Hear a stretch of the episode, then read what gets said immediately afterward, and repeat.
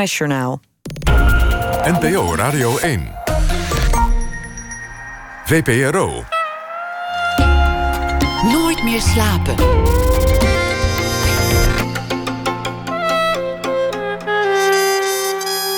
Met Pieter van der Wielen. Goedenacht en welkom bij Nooit meer slapen. Na één uur komt Kees Moeilijker op bezoek, die zich tegenwoordig gewoon voorstelt als de man van de eenden. U weet wel, de ontdekking die hem beroemd maakte, necrofiele, verkrachtende eenden. Hij schreef eh, een boek, De Kloten van de Mus, met veel bijzondere wetenswaardigheden en onderzoek over dieren en ook dieren in de stad. Probeer een beetje goed over me te denken was de laatste zin in een afscheidsbrief die Henk Uterwijk schreef. Over zijn zelfgekozen dood heeft zijn zoon, fotograaf Bas Uterwijk, samen met schrijfster Jente Postuma een boek gemaakt. U hoort ze allebei na één uur. Eerst Mijke de Jong. Lela M is de titel van haar nieuwe film, die vanaf morgen in de bioscoop te zien is. De film ging officieel in première op het festival in Toronto in Canada. Een Amsterdamse moslima radicaliseert tot afschuw van haar familie en vrienden en vertrekt met haar liefde naar Syrië om daar te vechten of de broeders en zusters een hand toe te steken.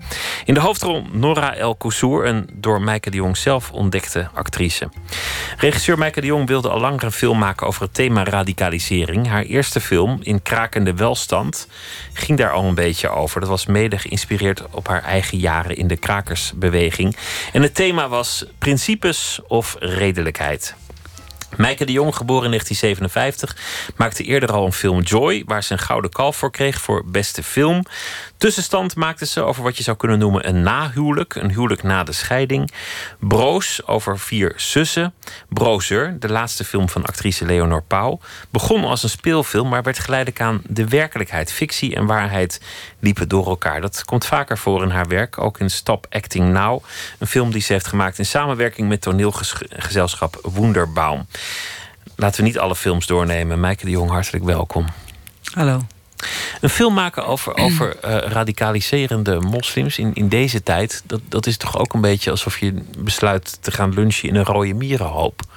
het, het is zo'n gevoelig thema dat, dat je natuurlijk van alle kanten belaagd kunt worden en, en je, je kunt stoten aan allerhande gevoeligheden.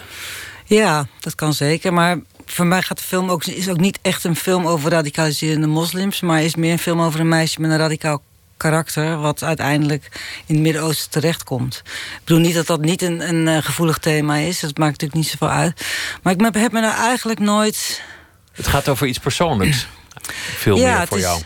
Nou, het, het uitgangspunt, het, het begin, het begint bij mij altijd ergens ergens iets moet mij raken of iets moet mij. Uh, ik ben heel nieuwsgierig, maar iets moet mij echt raken voordat ik eraan begin. Want de film maken, dat is in dit geval vier jaar. Dus ik moet, uh, moet wel echt serieus moet er serieus van aangaan, zeg maar. En um, dit begon vier jaar geleden uh, met een film die ik ook heb gemaakt in Bos en Lommer. En waarin ik een aantal uh, Laila's ontmoet heb. En die fascineerde me gelijk. Die grote, grote mond, zelfbewust. Maar dan ook die beschermde zustergemeenschap nodig hebben om je eigen chaos in je hoofd op te lossen, dat terecht te denken. En dat zijn allemaal dingen die ik wel herken. Dus dat, is, dat was het begin. En ik heb me eigenlijk. Toen was, het, was het natuurlijk ook nog heel anders. Dat was het begin van de Arabische lente. Dus um, op dat moment had ik niet het gevoel. Had ik wel het gevoel dat we een onderwerp te pakken hadden. wat zich midden in de samenleving afspeelt. Maar in die vier jaar hebben wij ons wel eens, uh, met name Jan Eilander, mijn man, die heeft het scenario geschreven, hebben we ons wel eens afgevraagd waar, ze, waar, waar doe, gaat dit, gaat dit, kunnen we dit, deze film maken? Of hoe, hoe, hoe moeten we ons verhouden tot de werkelijkheid? En er zijn ook versies van het script geweest waarin we dan steeds, op het moment dat Charlie Hebdo bijvoorbeeld gebeurde, wilden we, dan, ja, dan hadden we toch het gevoel dat we daar iets mee moesten in het script. Dus er zijn versies van het script geweest waar, waarin we probeerden om dat, op een, ja, om dat te verklaren. Dat, dat, dat gevoel wil je natuurlijk altijd, maar dat, dat, dat valt niet te verklaren. En uiteindelijk bleek toch hoe dichter we weer steeds terugkwamen bij Laila. Bij een Amsterdams meisje wat, uh, wat zich niet thuis voelt in Amsterdam. En uiteindelijk in het Midden-Oosten terechtkomt. Om, toen we daar weer terugkwamen, toen ging de film echt weer... Ja, die ging weer leven. En, en ja, dan is het... Ja, Ik ben in ieder geval nooit bang voor geweest. Bang, bang. We zijn er zo lang mee bezig geweest. En ik, heb, ik, ik ben altijd juist heel. We hebben de film ook willen maken om, opdat hij iets oproept. Hè, omdat hij een soort uh, discussie oproept. Of dat mensen met elkaar gaan praten naar aanleiding van de film. Ik heb dat wel heel spannend gevonden, eerlijk gezegd. Ik was vanavond bij een voorvertoning uh, in Den Haag. Waar, waar uh, verschillende mensen uit de Schilderswijk aanwezig waren. Er waren docenten, er waren mensen van uh, organisaties die zich bezighouden met het bestrijden van radicalisering in de Schilderswijk. De allerhande organisaties waren daar uitgenodigd om naar die film te kijken en daarover verder te praten. Mm -hmm. Dat, dat moet toch wel spannend zijn. Ja, dat is heel spannend. Dat is heel spannend. En het was, ik was dus, ik, wij kwamen, wisselden elkaar af. En nou, wat ik, wat ik heel mooi vind, is wat er, wat er steeds gebeurt. Dus de reacties die er steeds zijn, is dat iedereen echt heel blij is dat het over gaat over een meisje van vlees en bloed. En dat het gaat over een. Over heel universele dingen. Zij, iedereen wil geaccepteerd worden. Ze heeft ruzie met de vader, ze wordt verliefd. Uh, dus dat, dat, je, dat, het, dat het op die manier zo dichtbij komt. En dat het ook daarom ook je op een ja, zachtere of humanere. Dat je, dat je er zacht, zachter van gaat kijken. Dat is een beetje vaag gezegd natuurlijk. Maar dat, er, dat je op een andere manier gaat kijken naar. Uh, nou ja, naar, naar, wat er aan de hand is. Dat je dichter bij haar komt. Dat het wel degelijk een menselijke film is. Dat je niet een monster hebt geschapen of, of, of, een, of, een, of een karikatuur of een cliché. Maar gewoon een personage dat je wil volgen. Ja, en ik het panel met twee, uh, met twee uh, mannen. En dat is natuurlijk heel spannend te komen. Dan, dan ben ik heel benieuwd wat met name mannen van, van deze film... Marokkaanse mannen waren dat. Maar, mannen van Marokkaanse afkomst, Nederlanders, Nederlanders. En die waren allebei heel enthousiast. En dat is, vind ik dan echt heel fijn. De manier waarop je te werk bent gegaan bij het maken van deze film. Want eigenlijk zeg je van, nou ja, deze film gaat, gaat over een opgroeiend meisje. Je hebt al vaker films gemaakt over, over jonge vrouwen. die op wat voor manier dan ook problemen hebben in, in de samenleving met opgroeien. Daar komen we straks over te spreken. Maar je, je kwam midden in die actualiteit terecht. Je werd af en toe ingehaald door die actualiteit. Mhm. En je hebt ook daadwerkelijk onderzoek gedaan. Bijna als een documentairemaker, als een journalist, ben je op zoek gegaan naar informatie die jou zou kunnen helpen bij het maken van deze film. Hoe, Ja, hoe ging je dat- te werk? Ja, dat ben, ben je, ben ik, vind ik sowieso dat je dat verplicht bent op het moment dat je, dat je zo'n onderwerp aanpakt. En ik werk altijd op deze manier. Nou, in eerste instantie, want mijn man heeft het scenario geschreven. Dus wij zijn samen heel veel gaan lezen. En hebben ons op die manier in het, eh, in het onderwerp verdiept. En ik had natuurlijk de zusters die ik al kende uit de vorige film. Ja, en dat is eigenlijk het mooie van mijn werk, vind ik. Dat je dan helemaal kan onderdompelen in een, eh, in een, eh, in een, in een groep, in dit geval een groep, groep vrouwen, die. Nou ja, dus in, die, in, dat, in, dat, in zo'n in zo'n groep die. die eh, hoe zeg je dat? Hoe leg je dat uit? Nou, de trechtervorm, die trechtervormige manier van, van denken. Dus met elkaar eh, eh, film, filmpjes kijken. Dus filmpjes die ook in de film zitten. Van die Palestijnse man met zijn dode dochter. Dat zijn natuurlijk verschrikkelijke, verschrikkelijke filmpjes. En dat kijken, dat kijken zij onder elkaar de hele dag. En daar praten ze over. En, en dus dat is, ja, dat. Dus, dus ze, ze voeden elkaar met die, met die, eh, met die woede. Het is Nou, bijna eh, zelfindoctrinatie. De hele tijd maar kijken naar filmpjes, naar, naar preken, naar, naar allerlei narigheid op het internet. Daar de hele dag mee bezig het is, zijn. het is, ja, ja.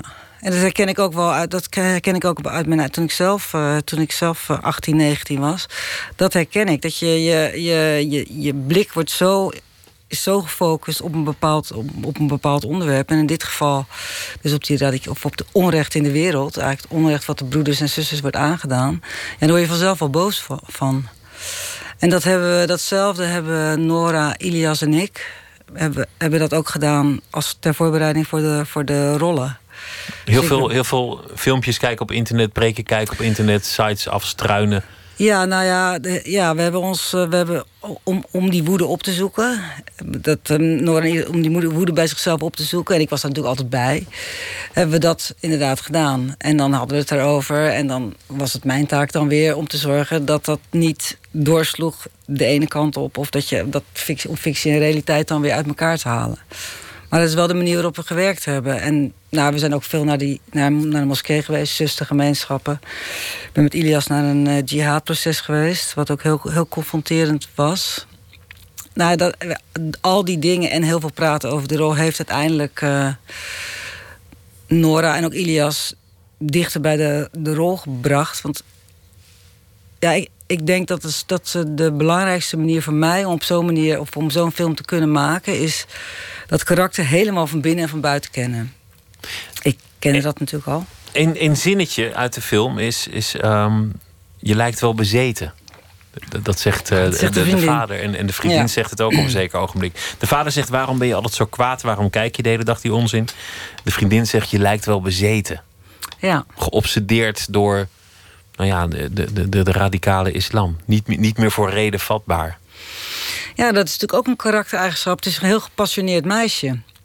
En een gepassioneerd, gepassioneerd boos meisje die niet tegen onrecht kan. En ja, dat is, daar, daar, daar komt die bezetenheid. Dus als ze iets doet, doet ze het goed.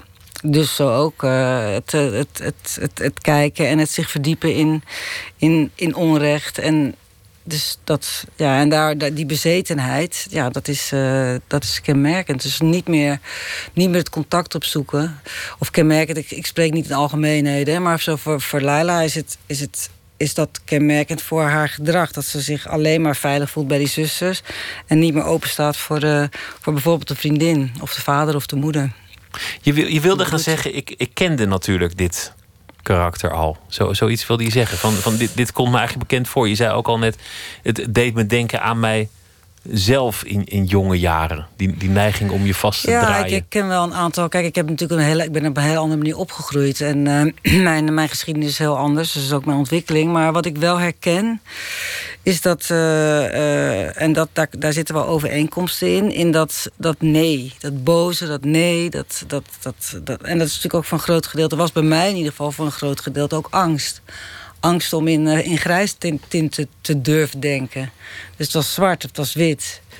En daartussen zat op die leeftijd zat niks. Maar het was tegelijkertijd ook een manier om mijn eigen identiteit te vormen. Dus, dus, dus heeft mij niet alleen maar, het heeft mij zeker niet alleen maar uh, uh, slechte dingen gebracht.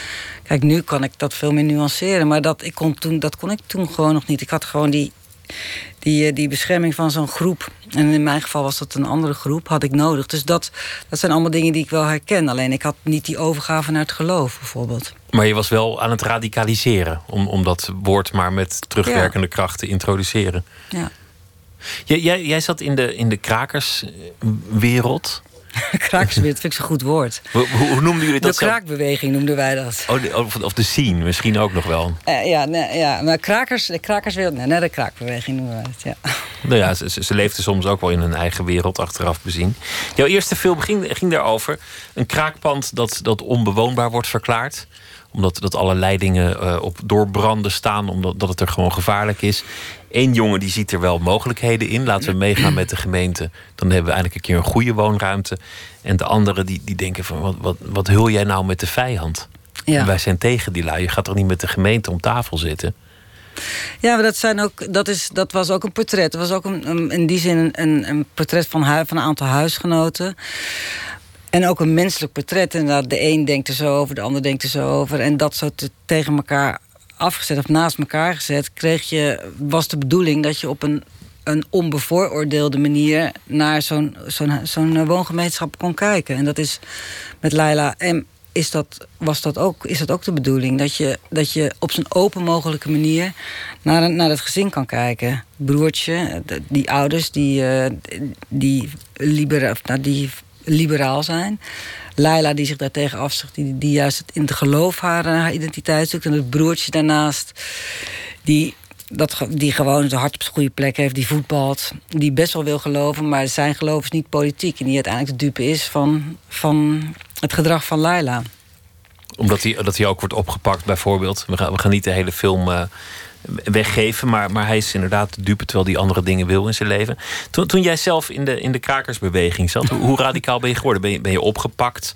Heb je, heb je dingen gedaan waarvan je achteraf denkt: Goh, dat ik daartoe in staat was? Ja, ik heb zeker dingen gedaan. Ik heb mezelf, uh, ik, ik, ik, ik, ik, ik heb mezelf bijvoorbeeld uh, door de straten. Ik, ik, zag, ik zie mezelf nog door de straten lopen met een, met een doodskist op mijn, op mijn schouder. En met de, de, de leuze roepend Polak in zijn kist Amsterdam moet opgefrist, om maar eens wat te noemen. Nou, dat is natuurlijk gewoon ongelooflijk belachelijk. Als, je daar nu, als ik daar nu aan terugdenk, krijg ik schaamrood op mijn kaken. Maar op dat moment vond ik dat Polak notabene. Onze, onze uh, enorme liberale burgemeester, onze... Nou, ja, toch een zachtaardige man, zou Heel zachtaardige man, maar dat vond ik toen absoluut niet. Om maar aan te geven hoe je op dat moment... Uh, hoe je blik gekleurd kan zijn. Dus dat, dat herken ik. Dat, dat je helemaal vastdraait in nou, ook een groep, een identiteit. Ja, ja, wij waren ten tijde van toen de Vondelstraat uh, bezet was, kon ik me bijvoorbeeld niet voorstellen. Wij zaten dan, altijd, wij zaten dan binnen die barricades, hè, dat is 1980. En ik kon me dan echt niet voorstellen dat er dan buiten die barricades ook nog een wereld was. En dat de mensen daar gewoon op straat liepen en naar hun werk gingen. Ja, nou ja, goed, ja. Dat is zo. zo uh, dat, en dat, daar, dat vind ik ook helemaal niet erg. Daar heb ik ook helemaal geen spijt van. Dat heeft mij ook zeker gevormd. Want de andere kant heeft. Ik bedoel, wij hadden ook op dat moment een. een uh, dat kraakpand, dat bouwden we zelf op. Wij, maakten, wij, wij bouwden onze eigen muren. We hadden gewoon een hele eigen wereld. Nou, en ik denk dat dat. Kijk, dat zal zeker de reden zijn waarom, waarom, waarom ik uh, op een film uitgekomen ben als Laila M. Of ik moet zeggen wij, want uh, een idee, dat, dit was het idee en dat legde ik voor mijn man. En die was in eerste instantie was niet heel enthousiast. Zei hij van, ga je, wordt dit nou je eerste... Want ik, ik wilde de hele tijd een komische film maken. De hele tijd denk ik van, ik moet nu eindelijk een keer een komische film maken. Nou, dat, is toch, dat, is het niet per definitie geworden, dat toch? is nog niet geworden. Maar uiteindelijk heeft hij zich uh, vier jaar lang, heeft hij versie na versie, heeft hij uh, een, dat, dat script geschreven. Wat zo helder en mooi was, dat, uh, dat ik dat met, met heel veel plezier heb verfilmd. Als je het vergelijkt met, met, met je eigen jeugd, dan, dan klopt dat natuurlijk voor een gedeelte, omdat dat het gewoon gaat over jong zijn. Over, klopt ook heel veel niet, hè? Over groepsdenken. Maar ja, jullie waren. Uh, jullie hadden geen integratieproblemen. Jullie nee, waren daarom, van Het is ook huizen. een vergelijking die eigenlijk totaal mank gaat. Het is eigenlijk alleen maar om aan te geven dat dat, dat waar mijn fascinatie vandaan komt. En voor de rest is het natuurlijk volledig anders. Ik bedoel, de, ik, ik zit nu hier en uh, Laila M. in de film zit gewoon een jaar in de gevangenis als het even tegen zit. Dus die vergelijking gaat verder helemaal niet op. En ze eindigt gaat... in, in Jordanië aan de, aan de grens met Syrië. Ja, maar het gaat om die mechanismes. En ik denk dat dat ook, dat vind ik mooi aan de film, is dat, je, dat het uh, dat het ook. Het is een kwestie van karakter. Het kan in wezen iedereen overkomen. Waardoor ik hoop dat, dat het ook dichterbij komt. Dat je het ook niet zo makkelijk naast je neer kan zetten. Dus dat iedereen op een bepaalde manier. En dat blijkt ook bij de viewingen. Dus, zoals de viewing waar, jij ook uh, vandaag was. Er zaten heel veel verschillende mensen in de zaal. Van verschillende, verschillende afkomsten ook. En, maar de, de dingen die ze eruit herkenden, waren heel, die, die kwamen heel erg overeen. En dat schept eigenlijk onmiddellijk een band. En ik hoop ook dat dat dat met de film ook gebeurt. Dus dat is eigenlijk ook wat je wil. Je, je, je, vraagt nergens begrip voor. Je hebt niet een politieke agenda. Of, of je kiest geen kant in, in welke discussie ook. Het gaat jou er gewoon om. Maak een mens van iemand. Ja. Zelfs als iemand radicaliseert en, en, en rottigheid gaat uithalen in Syrië. Zelfs als iemand uh, dingen doet die je totaal verafschuwt. Probeer wel een mens te zien en ja. je erin te verplaatsen. Ja, want ik denk dat het eigenlijk het eerste, dat dat, dat, dat het eerste vereist is voor überhaupt een, een dialoog. Of een, een ontmoeting sowieso. Is het jou zelf gelukt? Want je, want je bent naar een jihadproces gegaan. Je bent gaan praten met heel veel mensen om, om iets te weten te komen over hoe dat werkt, die radicalisering. Wie zijn die Syriëgangers? Mm -hmm. Hoe komt zoiets tot stand? Ben, ben je het gaan begrijpen? Ja, ik ben wel veel meer gaan begrijpen, ja. ja en het is natuurlijk ook omdat, je, omdat ik het moest regisseren... Stel ik, moest ik me ook zo openstellen. Anders kon ik dat echt niet, anders kon ik het niet regisseren. En hetzelfde geldt voor Nora en Ilias. Je moest zich ook openstellen om het te kunnen spelen. En dat wil. En dat heeft. Ja, dat vond ik ook heel confronterend op een bepaalde manier. Maar ik ben. Ja, ja, ik ben echt wel veel gaan begrijpen. Wat niet, wat niet wil zeggen dat ik het ermee eens ben. Natuurlijk niet. Maar zo'n jihadproces ook, als je dan Weet je, dan, gaat, dan, dan breekt ook mijn hart. Dan, zit ik, dan, dan, uh, nou, dan zitten die gastjes en die zijn dan 17, 18. En uh, nou goed, die zullen dus zeker, zeker dus die zitten daar natuurlijk niet voor niks. Dan zitten wij achter het glas en dan zit voor ons zat er een, een, Marokkaanse familie met een moeder, een oma, twee, uh, twee broertjes en zusjes. En dan, dan, dan, dan keek, keek, keek een van die jongens, 18 jaar, keek, keek om. En even zo zwaaien naar zijn, naar, zijn, naar zijn ouders. Ja, dan breekt toch dan breekt mijn hart. Dan denk ik, ja, godverdomme, wat hebben we met z'n allen...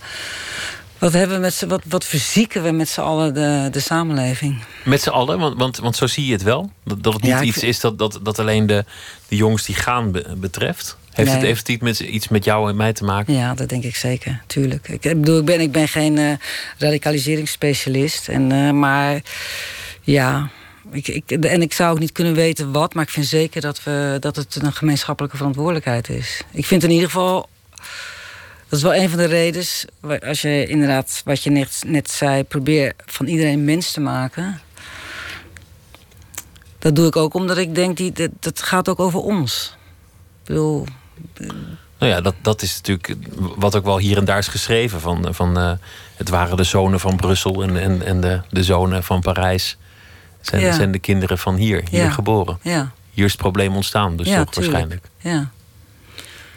Is radicalisering eh, iets dat je in je karakter hebt? Ik, ik heb zelf een, een, een afkeer van elke vorm van, van radicalisme en, en, en radicaliteit. Maar dat is, dat is makkelijk. Hoort het wel aan dan de film? Ja, ja makkelijk. Maar dat is natuurlijk ook als je, als je de 40 gepasseerd bent, dan wordt het natuurlijk nog. Uh, nog futlozer allemaal. Maar heb je dat, heb je dat in, je, in je genen, in je karakter? Ja, ik de denk radicaliteit? Dat het, ik denk dat het wel een karaktereigenschap is, ja. En, en, uh, en, inderdaad, en, en ook een, uh, een leeftijdskwestie. Het is een combinatie, denk ik. Zoals er bij mezelf, als ik het dan over mezelf heb, dan is dat inderdaad, uh, zijn die grijstinten zijn er uiteindelijk heel erg ingekomen. En eigenlijk denk ik heel genuanceerd, maar dit is bij mij wel een. Nou, ik, ik zei het net al, zo, ook angst. En om, uh, om je. Om, om, om, dat toe te laten bij jezelf. Want je raakt ook misschien wel vrienden kwijt. Of je moet ook, ook in, in het uh, gaan zeggen: Ik geloof er niet meer in. Ja, zo is het eigenlijk. Is het nou zo gegaan? Bijna alsof je uit de kerk stapt. nee, zo is het eigenlijk niet gegaan, volgens mij. Nee, want ik ben nog steeds. Nee. Hoe gaat dat? Verwatert het? Ja, dat is een goede vraag. Nee, ik kan me nog steeds heel erg kwaad maken over, over dingen. En ik kan nog steeds wel radicale standpunten innemen. Maar het is wel zo dat ik natuurlijk... Ja, je wordt, nou, het is toch, tenminste, ik ben, ben hopelijk wel wat wijzer geworden. Dus hoe meer je weet, hoe meer, hoe, hoe meer nuance je toelaat ook. Maar hoe, dus, hoe stap je uit zo'n beweging? Hoe, hoe verander je van, van, van omgeving? Nou, dan doe je net alsof het een... Uh, als, ja, dit is, dat gaat heel geleidelijk. Ik bedoel, ik ben op een gegeven moment... Nou ja, in mijn geval is het zo gegaan dat ik... Uh, ik werd van de filmacademie afgetrapt. Dus ik moest kiezen. Het was, dat, was, dat was ten tijde van de Vondelstraat. En ik had drie dagen, was drie dagen niet op school geweest. Dus ik moest, dan, ik moest voor de driemanschap was toen nog op de filmacademie komen. En die zeiden van of je gaat door met actie voeren... of je gaat je school afmaken. Nou, toen heb ik gelukkig gekozen mijn school af te maken. Je idealen op je Studie. toekomst. Ja. ja. Dus zo is het bij mij gaan. En, en dat wil niet. Toen, bedoel, toen bleef natuurlijk wat. Dus dat gaat dan zo langzaam. En ik heb, ik heb een heel mooi vak. Dus ik ben heel erg. Uh, dus, dus ik heb uiteindelijk besloten om, om films te gaan maken. Waar ook een vorm van idealisme in zit. Ja, absoluut.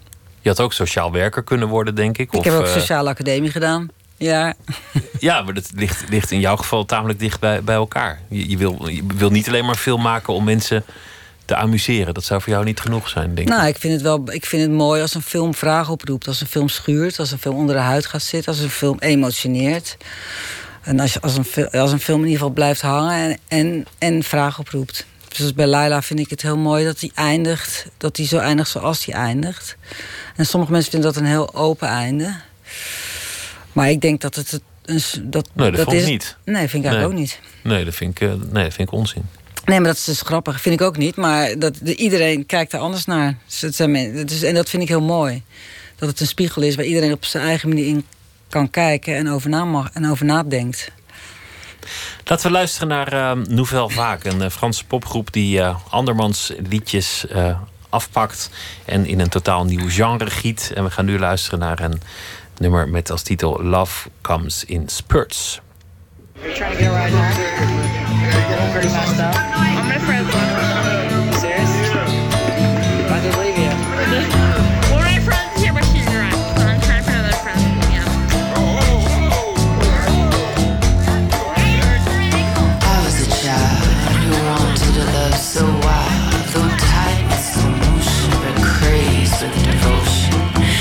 insane with devotion, just a whole other notion. I was 14 and a half, and it wasn't no laugh. Love comes in spurs. Love comes in spurs. Love comes in spurs. Love comes in spurs.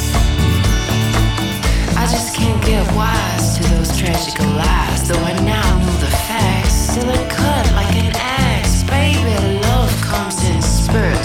And dangerous flirts, and it murders your heart. But they didn't tell you that.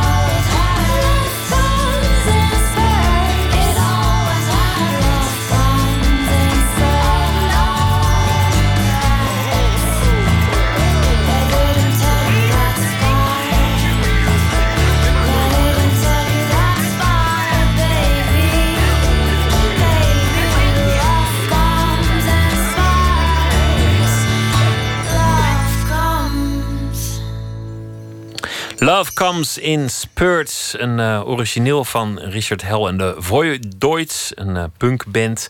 Maar dit was de versie van Nouvelle Vaak, uitgekozen door Lotje IJzermans, onze muzieksamensteller. Mijke de Jong zit tegenover me naar aanleiding van haar nieuwe film Leila M. Een van de dingen die jij in, in, eh, in het verleden ook wel hebt gedaan, is zelf op zoek gaan naar je acteurs. Niet een auditie doen of niet een, een, een beroemdheid vragen, maar zelf gaan zoeken in kringen die, die lijken op de kringen die je portretteert. Je, je maakte een, een film over, eh, over een meisje die was, was geboren als wees, de film Joy. En dan ging je ook echt op zoek naar meisjes in jeugdinrichtingen en, en weeshuizen of dat soort kringen, om dat te laten spelen. Ja. Je wilde een karakter die echt van binnenuit begreep waar het, waar het over ging.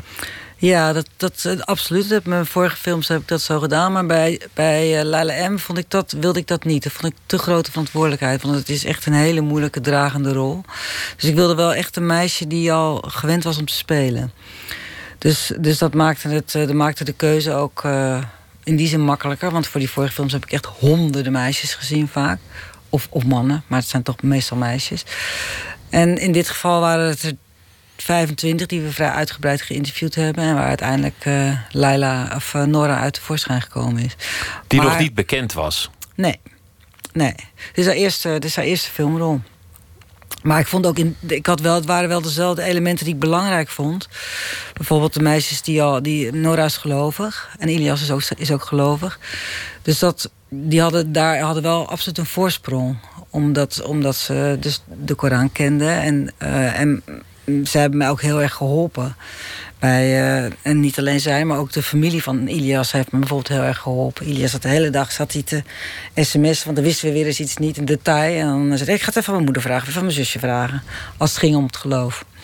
Dus dat in die zin, dat samen opbouwen van zo'n rol... hoe meer iemand dan uit, het, uit de omgeving komt waar de film ook over gaat... hoe fijner dat is. Je zit heel dicht tegen een, een documentairemaker aan, in die zin. Ehm, nou, ik- nou, het is wel heel duidelijk fictie. De, de, eh, Laila is helemaal letterlijk uitgeschreven. En het is een verdichting. Het is, een, eh, het is, niet een, het is wel zo dat ik eh, streef naar authenticiteit. Het hoeft, niet, het hoeft niet allemaal letterlijk te kloppen. Of het hoeft niet letterlijk zo gegaan te zijn. Maar het moet wel zo zijn dat, een, dat, ik, een, dat ik een wereld probeer te creëren die die, die, die ook echt bestaat. Dus, dus snap je, dus het hoeft niet. Het is vaak zo als je speelfilm maakt en dan bijvoorbeeld. Dan is het natuurlijk altijd een verdichting. Maar ik was vroeger zo dat ik dan ook echt vond dat het ook veel precies zo moest gaan zoals het in werkelijkheid ging. Bijvoorbeeld een, noem een inval of noem een. Terwijl ik nu veel meer op zoek ben wel naar die verdichting. Maar wel dat bijvoorbeeld alle details kloppen. Zoals bijvoorbeeld op de, in die, die familie kijkt een eh, soap. En in het script stond Marokkaanse soap. En, maar toen kwam eh, Farah, de, de eh, tweede assistent, Marokkaanse jongen, zei nou, bij, ons worden Braziliaanse soaps gekeken... en die worden dan heel slecht nagesynchroniseerd. En dat zijn dan van die details, die vind ik dan gelijk heel fijn.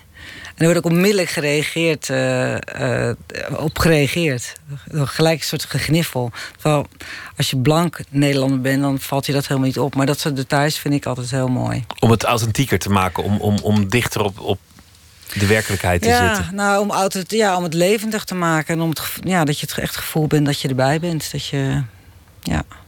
Die film eh, Joy die je had gemaakt over een, een meisje die ehm, aan het begin van haar leven te vondeling is gelegd, die de, de rest van haar leven daarmee worstelt. Dat wordt alleen maar sterker en die, en die, die raakt bijna geobsedeerd, zonder dat het heel erg wordt uitgesproken door de biologische moeder.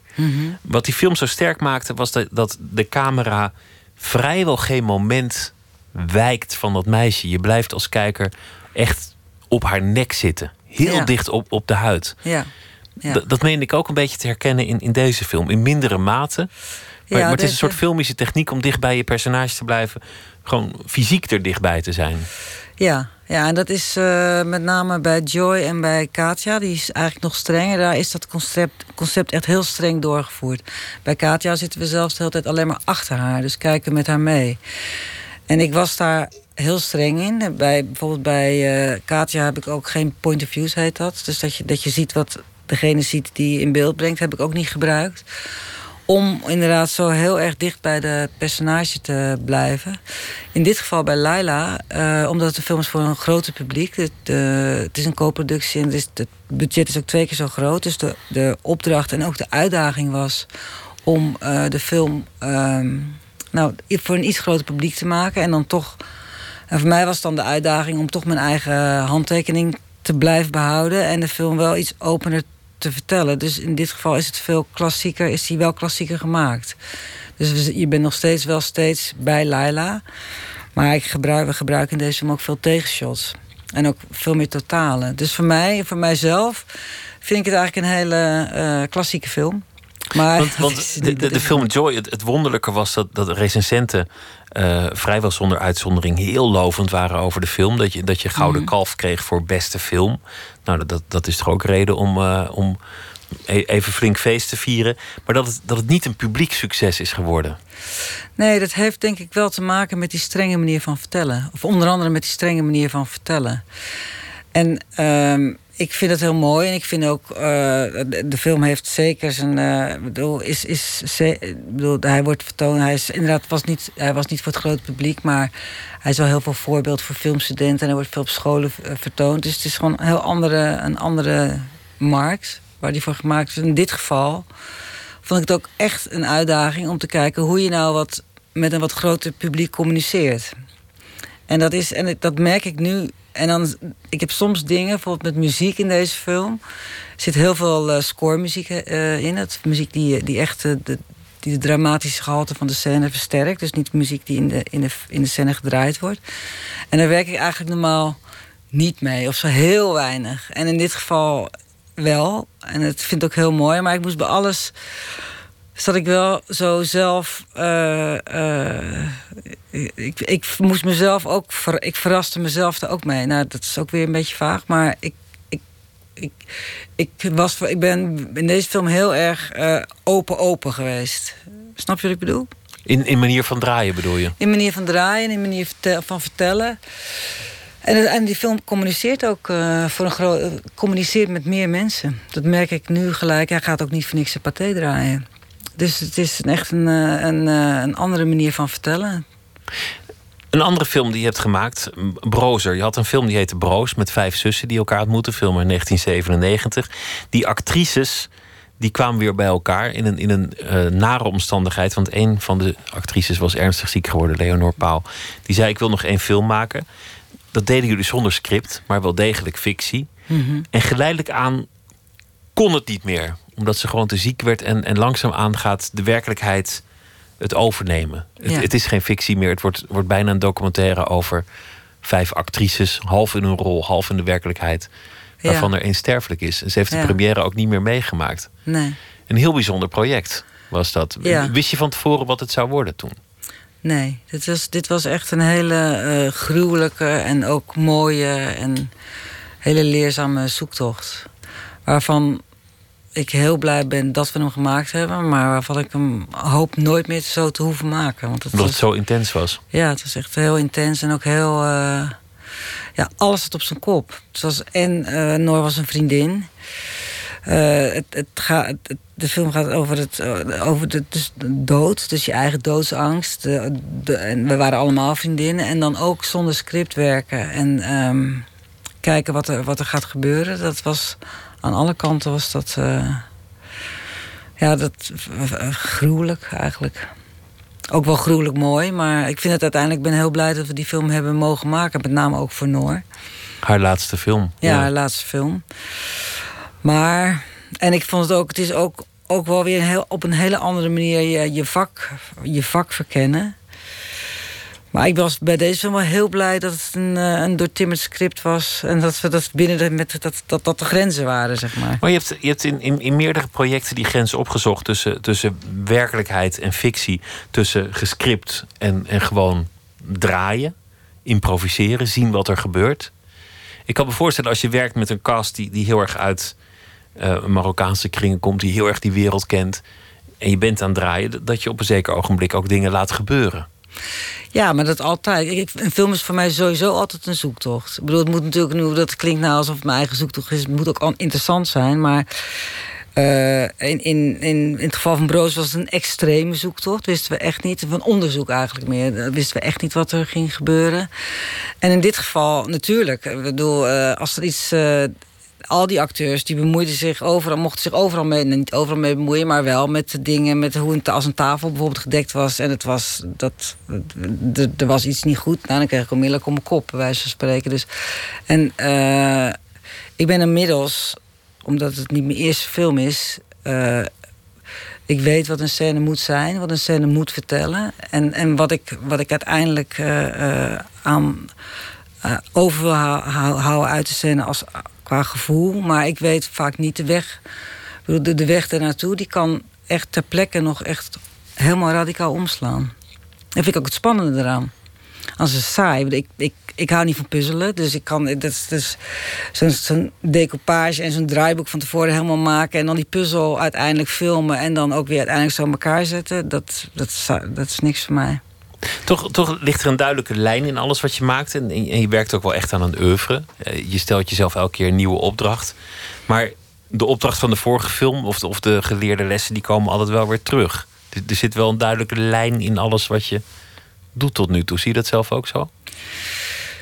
Nou, ik denk dat het wel altijd een. eh, eh, iets dringt zich aan me op. Op een bepaalde manier. Of dat nou, dringt zich aan me op. In dit geval was het dus Laila die zich opdrong. En dan. eh, eh, dan, dan of het wordt een, is een afscenario, dat was in dit geval, of het is dat niet. Maar het is altijd een, een onderzoek op een bepaalde manier. Het is nooit een. Dus, dus ik, ja, ik, ik, ja, dat, ik zoek. Waar ik nou precies naar zoek, weet ik ook niet. Maar eh, ik ben wel altijd op zoek naar, een, naar de, menselijke, de menselijke emoties. En, dan, en dat dan, in, denk ik, hè. En dan dat in verhouding met de wereld daaromheen. Of het, Mensen. het, het gepruts van mensen. Dat zou je ja, het ook kunnen noemen. gepruts. Ja. Want dat is het toch eigenlijk. Mensen Ja. die, die. Want, want zo'n meisje gaat dan vol eh, heilig vuur. zi- zich mengen in de jihad in, in Syrië. zonder dat ze precies weet waar ze naar op weg is. En het is natuurlijk ook gewoon gepruts. Ja, extreem menselijk gepruts, dat interesseert me altijd. De tussenstand bijvoorbeeld, om maar eens een voorbeeld te noemen. Over, over het nahuwelijk met Marcel Musters Ja. in, in een prachtige rol van ex-man. Alle ja, dus, dus, dus, verwijten aan de tafel. Ja, dus dat, dat is de hele tijd elkaar eh vliegen afvangen en dat daaronder alle emoties zitten. Ja, dat, dat is wel echt iets voor mij, ja. Het, moet, het, is altijd, het zijn altijd eh, de mens, ja, menselijke. De, ik ben altijd op zoek naar de nuances in het menselijke gedrag. Of, of het observeren van het menselijk gedrag. En het impliciete is dan ook belangrijk. Tussen Ja. de regels lezen. Ja. Wat niet wordt uitgesproken. Ja. Ja, het is altijd subtekst. Ik bedoel, ik, heb, ik vind dat een. eh, eh, dat je. Dat wat je zegt, dus, dus de, dialoog is wel, is wel een van de. Bedoel, er zijn zoveel meer manieren om je uit te drukken.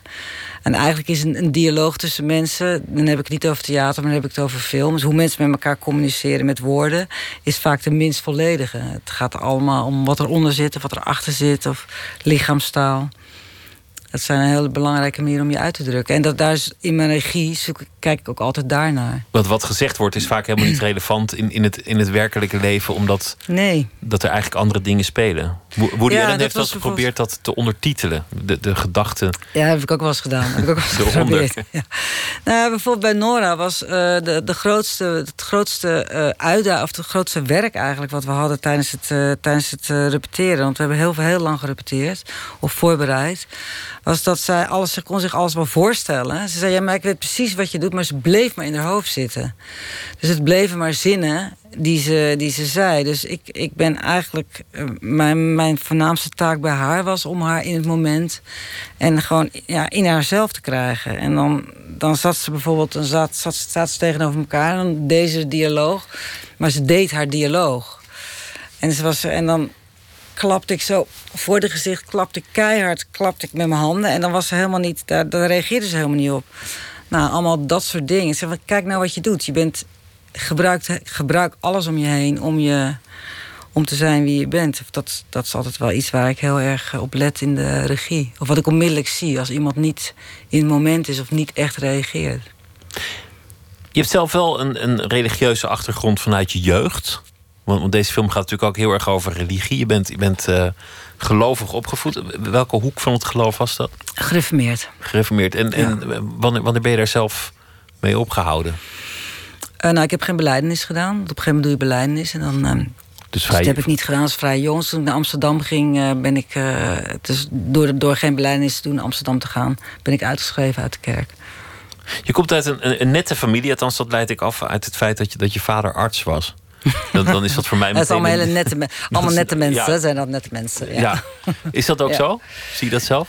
Eh, ik kom uit een heel liberaal, progressief gezin. Mijn ouders zijn eh, inderdaad... Ik ben gereformeerd opgevoed, maar wel op een manier... ehm, die bij ons was, werd altijd gepraat. Werd altijd... eh, nou, ik was heel erg van het discussiëren... en van het geloof te, te, ter discussie te stellen. En nou, dan noemde ik mezelf humanist. En dan zei mijn vader... Nou, dat, dat soort discussies. En die hebben, mijn- ouders zijn die waren daar altijd eh, voor in. Dus in die zin... eh, Daar viel over te praten. daar viel absoluut over te praten. Maar, maar wat Ja. zei je dan? Had je dan bewijzen dat het allemaal niet waar was? Of, eh, Nou, ik zei dan bijvoorbeeld van, ja, ja nou, noem maar wat. Ik zei dan bijvoorbeeld ja, tegen mijn vader van, ja, ik, wij denken precies hetzelfde. Alleen jij noemt jezelf gereformeerd, ik noem mezelf humanist. Ik noem maar wat.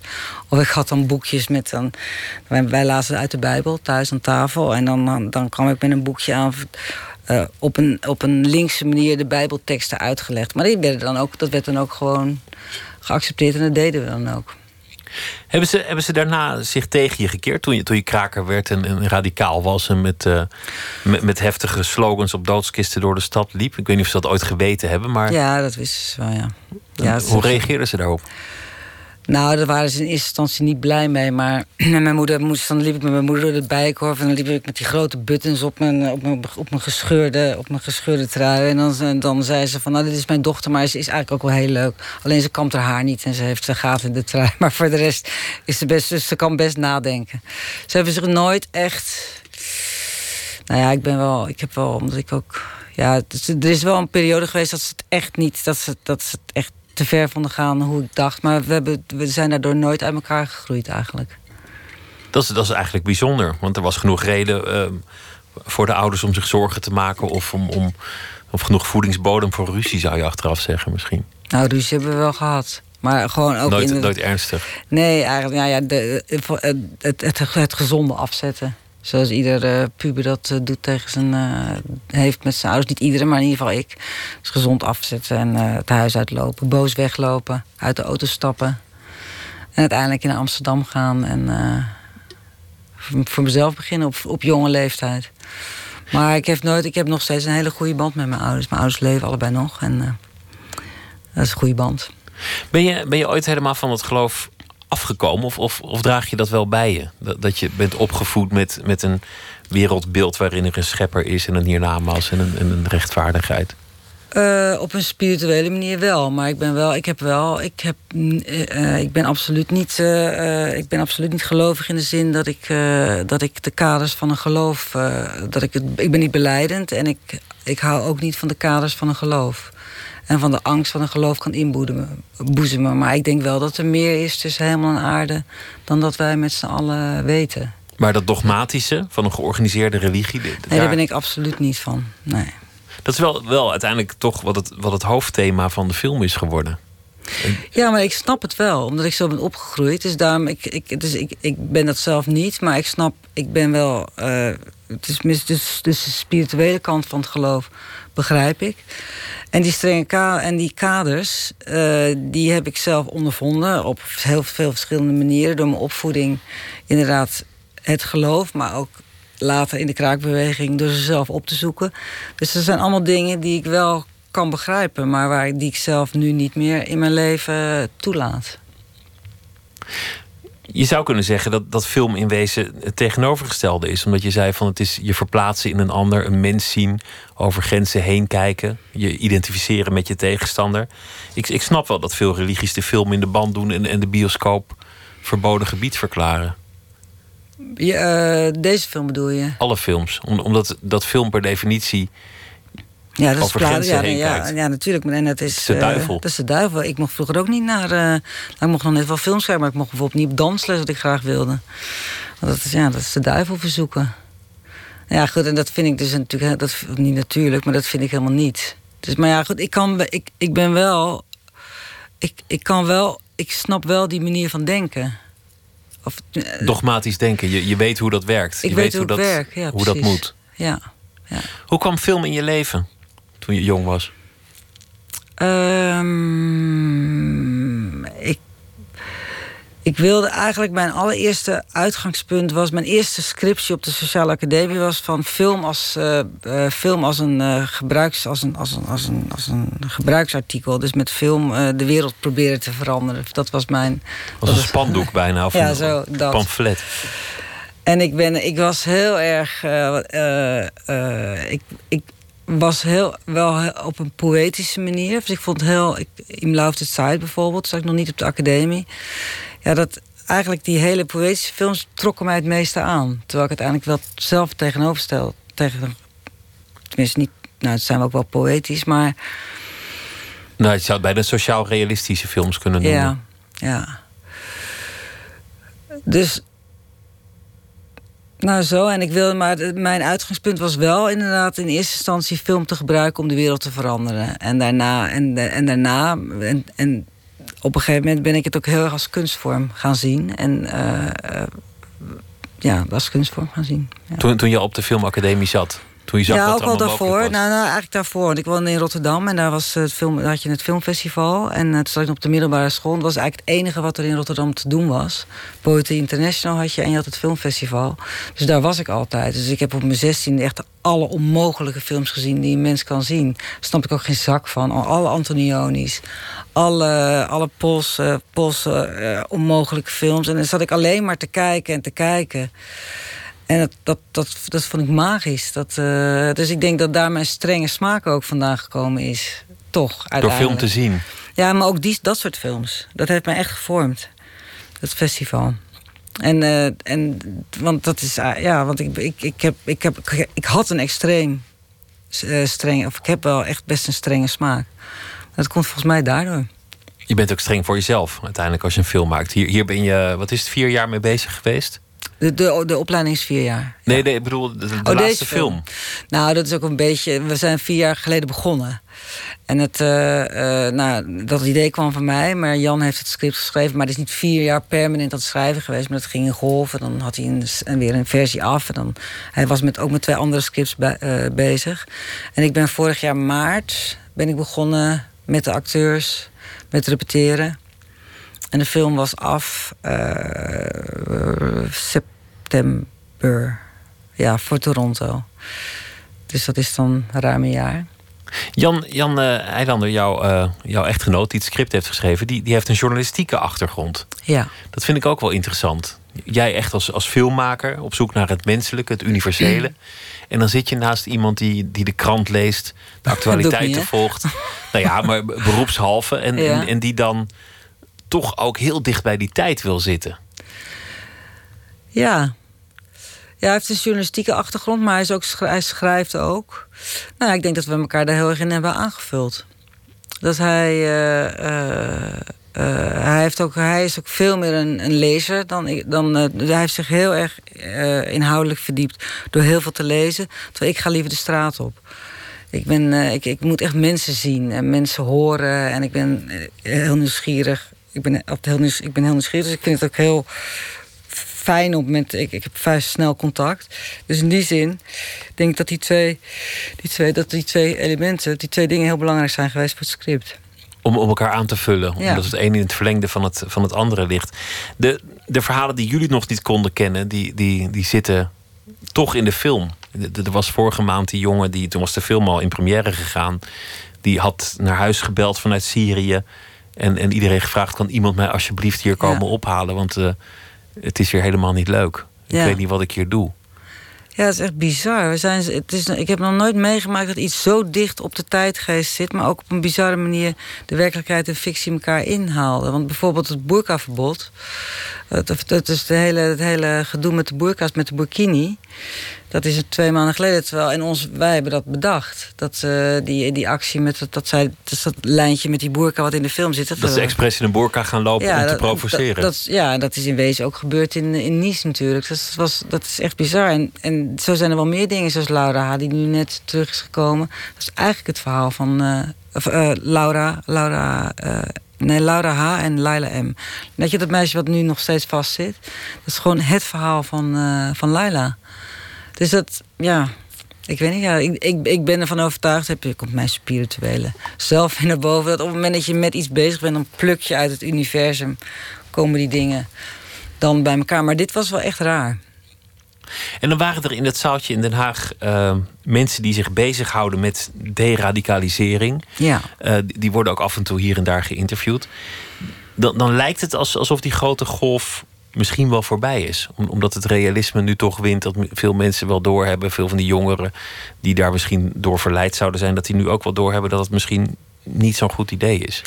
Nou ja, eh, het, het, eh, het, im- het impulsieve naar Syrië vertrekken is wel, eh, is, dat is wel echt veranderd. Dat vertelde ook de, een, van de panelleden met wie ik vandaag aan de panel zat. Die zei dat ze niet beroepshalve zijn, die ook, zijn die daar ook heel erg mee bezig. En die zei dat ook. En dat, dat, dat is ook logisch. Er komen nu zulke mensen terug met zulke horrorverhalen. Dus in, het, in de, hele lange tijd was, eh, was het eh, was, was Raqqa. Nee, het was natuurlijk eerst Syrië. En dat waren dan die landhuizen, dat waren die eh, zwembaden, dat waren die zustergemeenschappen in de keuken en die mannen bij het zwembad. En daarna was het de is- Islamitische Staat. En nu, zo langzamerhand, komen de, men- komen de mensen met hele verschrikkelijke verhalen terug. Dus eh, het animo om zomaar te gaan is volgens mij wel minder geworden. Waardoor het een actuele film is, maar later misschien ook weer een tijdloze film die, die de actualiteit niet nodig heeft. En één aspect dat we nog helemaal niet hebben belicht, want je zei het begon met een fascinatie voor meisjes, voor, voor zus. Het, je zou het ook als een, als een feministische film kunnen zien over, over, een, over een soort emancipatoire beweging. Een meisje die zich uiteindelijk losmaakt van, van die hork van een vent. Ja, nou dat is het ook wel. Dat is ook wel, is ook wel een van de. Dat is, ook, dat, dat is het ook, wat mij betreft. Kijk, Lala is op een bepaalde manier, vind ik haar feministisch. Ik bedoel, ze, ze- uiteindelijk, als puntje bij paaltje eh, komt, gaat ze haar eigen gang, maakt ze haar eigen keuzes. En en dat vond ik ook heel, heel erg eh, bijzonder aan de première. Dat, dat première was een meervaart. Hè. Dat was, eh, we hadden de helft kaartjes verkocht en de andere helft was genodigd. En er zaten heel veel eh, meisjes in de zaal. En die gingen vanaf het eerste moment leefden die echt mee met Laila. En dus dat is dus dat, dat, vind- dat en ook maar met mijn, de, bijvoorbeeld de opmerking dat zij dan bijvoorbeeld zegt gast als hij als ze de spullen moet. Nou, dat was echt eh, een van de grootste. Dat, daar werd echt enorm om gelachen in dit publiek, bij dit publiek. Dus nou ja, ja, ik vind dat zij ook wel echt een, eh, een eh, in die zin voor zichzelf opkomt. De film heet Laila M. en is vanaf morgen in alle Nederlandse bioscopen zo'n beetje te zien. Dank dat je te gast wilde zijn en erover vertellen, Maaike de Jong. Dank je wel. Alsjeblieft. We gaan luisteren naar eh, Xenia Rubinos met het nummer Laugh Clown. En zij komt uit New York en ze heeft een heel eigen geluid. En haar nieuwe album heet Black Terry Cat. Laugh Clown heet het nummer. I haven't plucked my eyebrows since last month. One of these days, gonna let my mustache grow back in. Don't know where I'm going, only where I've been. I know that cliche's tired, but I feel it on my skin. I was worried that my papa lost a chain. His mother gave him the day he left. Never saw her again. Sometimes I feel like a clown and I laugh, laugh, laugh, laugh, laugh. Does your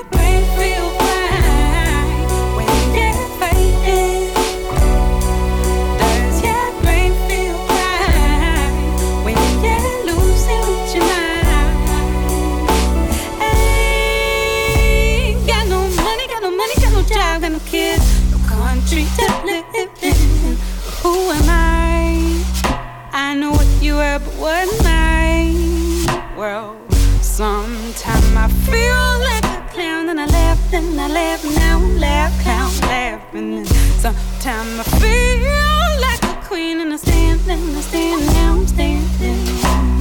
Ooh, Does your brain feel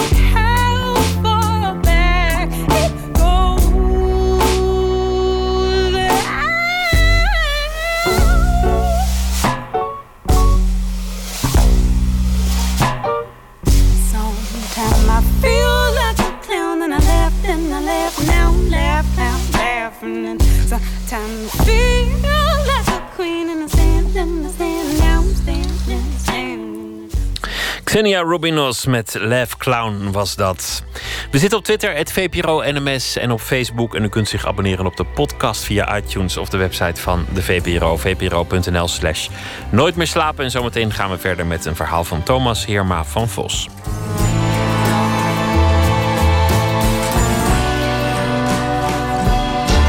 Op Radio 1.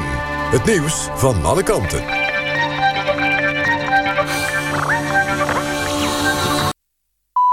1 uur, Lot Lewin met het NOS-journaal. Er is een grootscheepse controleactie aan de gang langs de grens met Duitsland. De marechaussee controleert op grensoverschrijdende criminaliteit en verkeersdelicten. Dat doen ze langs de hele grensstrook. Verdachte auto's worden aan de kant gezet. De marechaussee werkt samen met de Nederlandse politie, de Duitse politie en de douane. De controles gaan de hele nacht door. In de ochtend worden de resultaten bekendgemaakt. 3000 oud-defensiemedewerkers klagen de staat aan na het werken met Chroom 6. Volgens de advocaat die hen vertegenwoordigt... heeft de staat onrechtmatig gehandeld...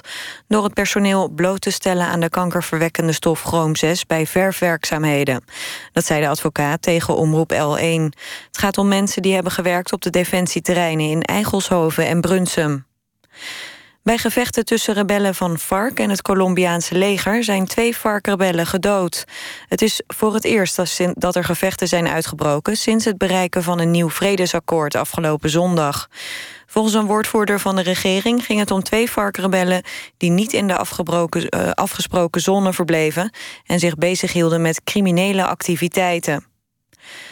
De herdenking van de afschaffing van de slavernij wordt volgend jaar weer op 1 juli gehouden. En niet op de dag ervoor, zoals dit jaar.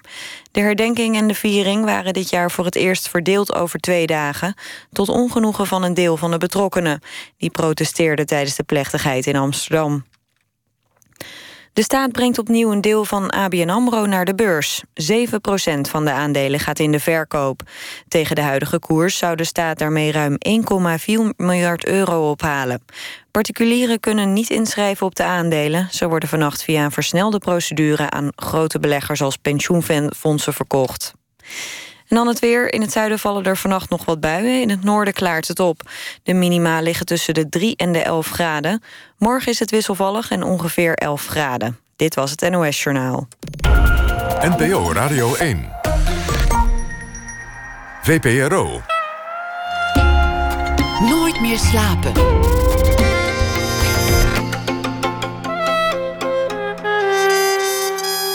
Met Pieter van der Wielen. Probeer een beetje goed over me te denken, was de laatste zin in de afscheidsbrief die Henk Uterwijk schreef. Over zijn dood maakte zijn zoon, fotograaf Bas Uterwijk, een boek samen met schrijfster Jente Postuma. Zometeen een gesprek met beide.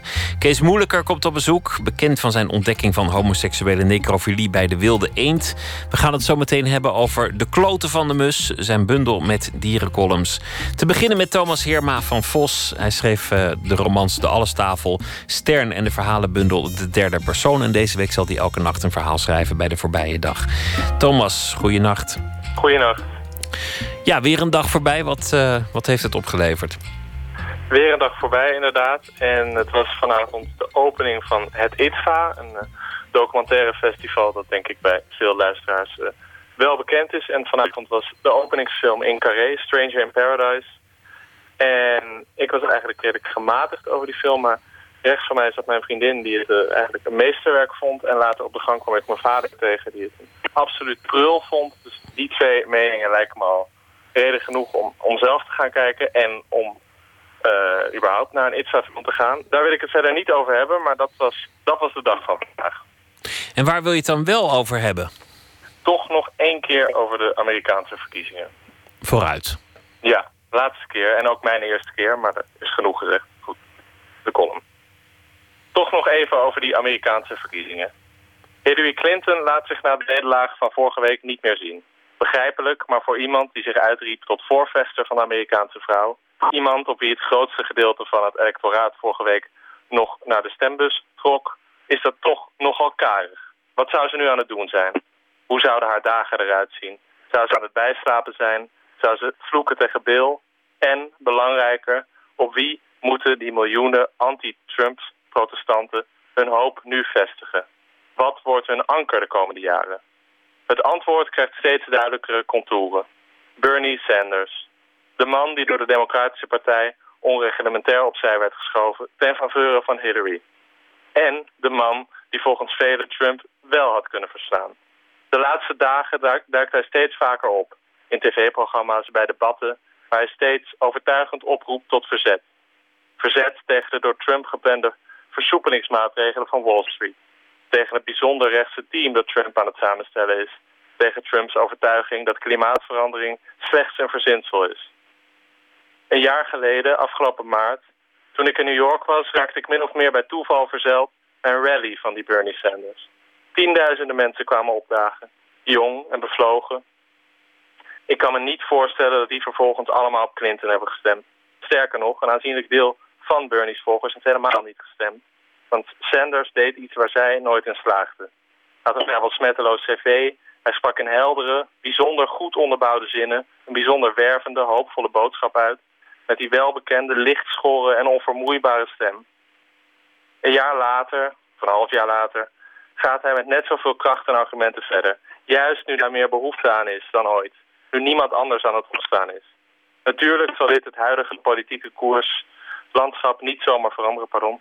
Maar hier ontstaat wel het essentiële tegengeluid.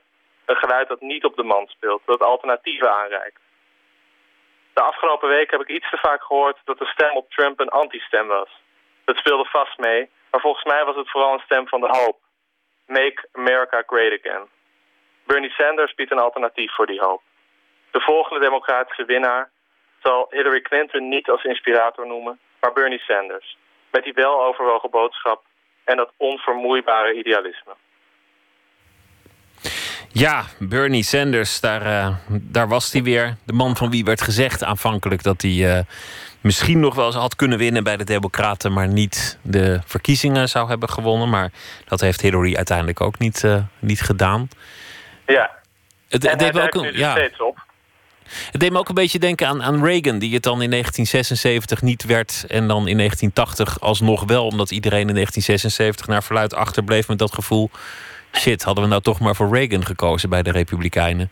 Misschien dat dit ja, voor de Democraten hetzelfde is. van Sanders dat hij dan wel heel oud is. Want die is volgens mij nu 74. En dat was ook eh, wat Trump steeds tegen hem zei. You're too old. Eh, hoewel Trump zelf 70 is. Ja, Maar dat is ook niet piep. vier jaar.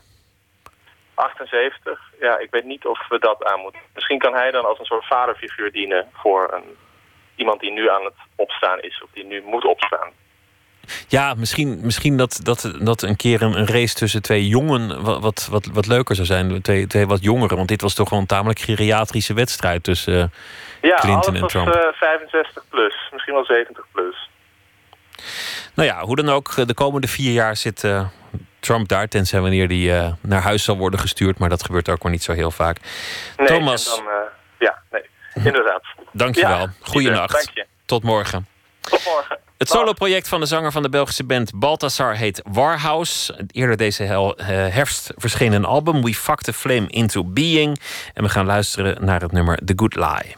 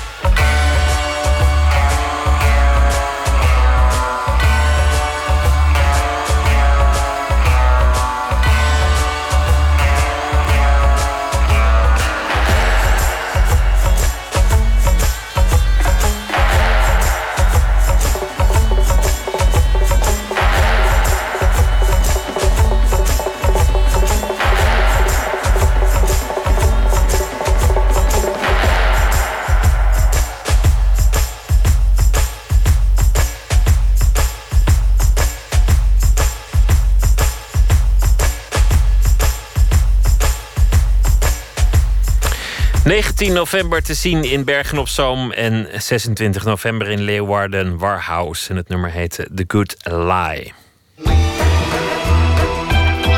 Nooit meer slapen. Op een oktoberdag twee jaar geleden maakte acteur Henk Uterwijk een einde aan zijn leven. Zijn zoon Bas Uterwijk is fotograaf en maakte in de dagen die daarop volgden een serie foto's van het huis, van het gezin, van de lege plekken die waren ontstaan door de dood van zijn vader. Twee jaar na die gebeurtenis heeft Bas samen met schrijfster Jente Postuma, met wie hij getrouwd is, een boek gemaakt over die dagen in oktober. Niet alleen staan de foto's erin, maar ook het verhaal van de zelfgekozen dood van zijn vader, opgetekend door Jente. Het boekje heeft als titel Probeer een beetje goed over me te denken. En dat was de laatste zin van de afscheidsbrief die Henk achterliet voor zijn zoon Bas.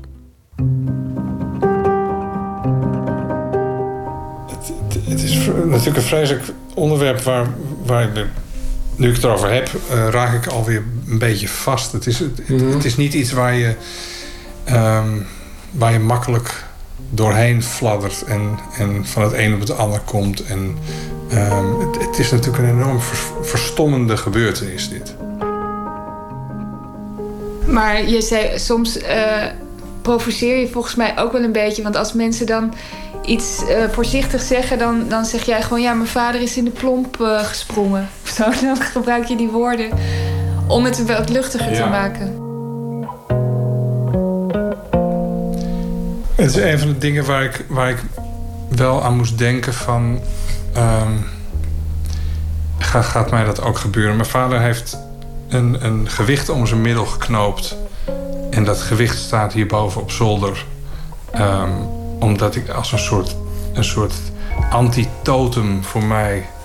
om, om constant te beseffen dat, dat dit iedereen kan gebeuren dat iedereen ehm, van het pad af of, of een, een doodlopende straat in kan wandelen op een bepaald moment in zijn of haar leven. En, en dan niet meer, eh, dat het niet meer goed komt. Henk Uterwijk was een acteur, regisseur. Hij speelde bij het Nieuw Rotterdamse toneel bij Globe. Speelde kleinere rollen in films als Soldaat van Oranje, Keetje Tippel. Maar ook in televisieseries. Soms zo klein dat het al voorbij was voor je het wist. Wie is het? Politie. Petra wist niet of ze hem aan jou moest geven van de hoofdredactie. Hij was Oene in Silder Strandjutter, de schipper in Schipper naast God. En hij speelde een ontregelde Nederlander in de aflevering van Tato. Ze kunnen toch niet einfach der Jan verhaften? Zoon Bas herinnert hem zich vooral als de stem van Gans Maarten in Niels Holgersson. Dat is te erg voor een arm eenvoudige tamme gans. Maarten, Maarten, sta op. Ik kan niet meer. Arme Maarten. Heb je honger, Maarten? Van oorsprong een Amsterdamse arbeidersjongen, zijn broers lasser en vrachtwagenchauffeur, wilde hij kennelijk ontsnappen, toneel spelen. Hij bezocht de toneelschool, leerde zijn Amsterdamse accent af en ging spelen. Met een zekere verbetenheid. En naar hij zelf later zou zeggen, met gebrek aan talent. Hij was een gesloten man, liet niemand toe in wat hem van binnen kwelde. Je kiekt er wel op, je kiekt er niet in, zei een Twentse vriend van me ooit. Je ziet altijd de buitenkant. Wat er in mensen omgaat, weet je niet.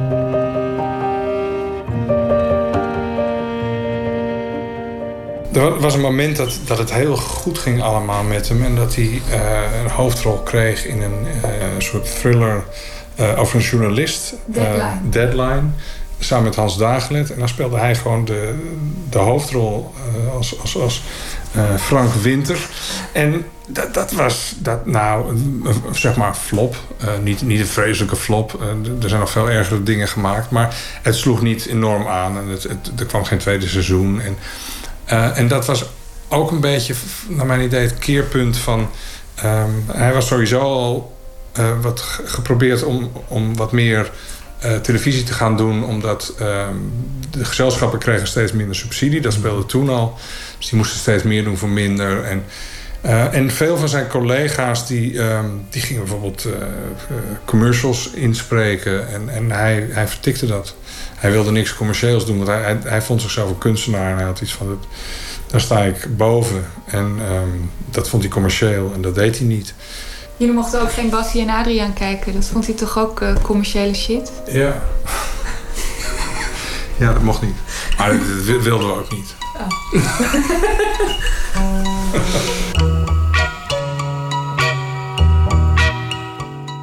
Ik realiseer me opeens dat die Twent die dat zei van je kijkt er wel op, maar je kijkt er niet in, dat dat Paul Abels is, de uitgever van het boekje, waarin Bas Uterwijk en Jent Postma het verhaal vertellen van het leven van Henk Uterwijk. De acteur die uiteindelijk zo ongelukkig werd dat hij op een regenachtige oktobermorgen een einde aan zijn leven maakte. Hij fietste het riviertje de Tjonger in en het gewicht dat hij om zijn middel bond en dat nu bij zijn zoon op zolder ligt, dat was een contragewicht uit het theater dat hij altijd had bewaard. Dat gewicht wat zijn vader eh, had gebruikt, dat was een gewicht dat hij uit het theater had meegenomen toen hij jong was en acteerde. En hij beschouwde zijn acteercarrière als mislukt. En eh, toen is hij met dat gewicht, eh, heeft hij zichzelf verdronken. Ik, het is ook heel symbolisch en wreed en ja, bijna mooi tegelijk. Als het niet zo tragisch was, had je het graag zelf verzonnen, toch? Ja, ja. Sommige dingen eh, wilde ik opschrijven, maar heb ik niet gedaan omdat het te verzonnen klonk. De, er zijn maar heel weinig punten die, die je vast kan houden met zoiets als dit. Ehm, ik denk dat dat ook een van de redenen is dat we uiteindelijk dat boekje gemaakt hebben en dat het, dat het er is nu.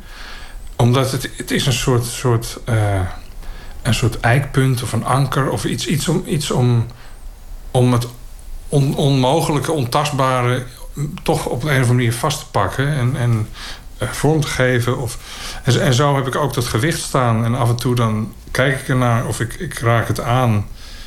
En het ene moment eh, wil ik daar wat bij voelen en voel ik er niets bij. En het andere moment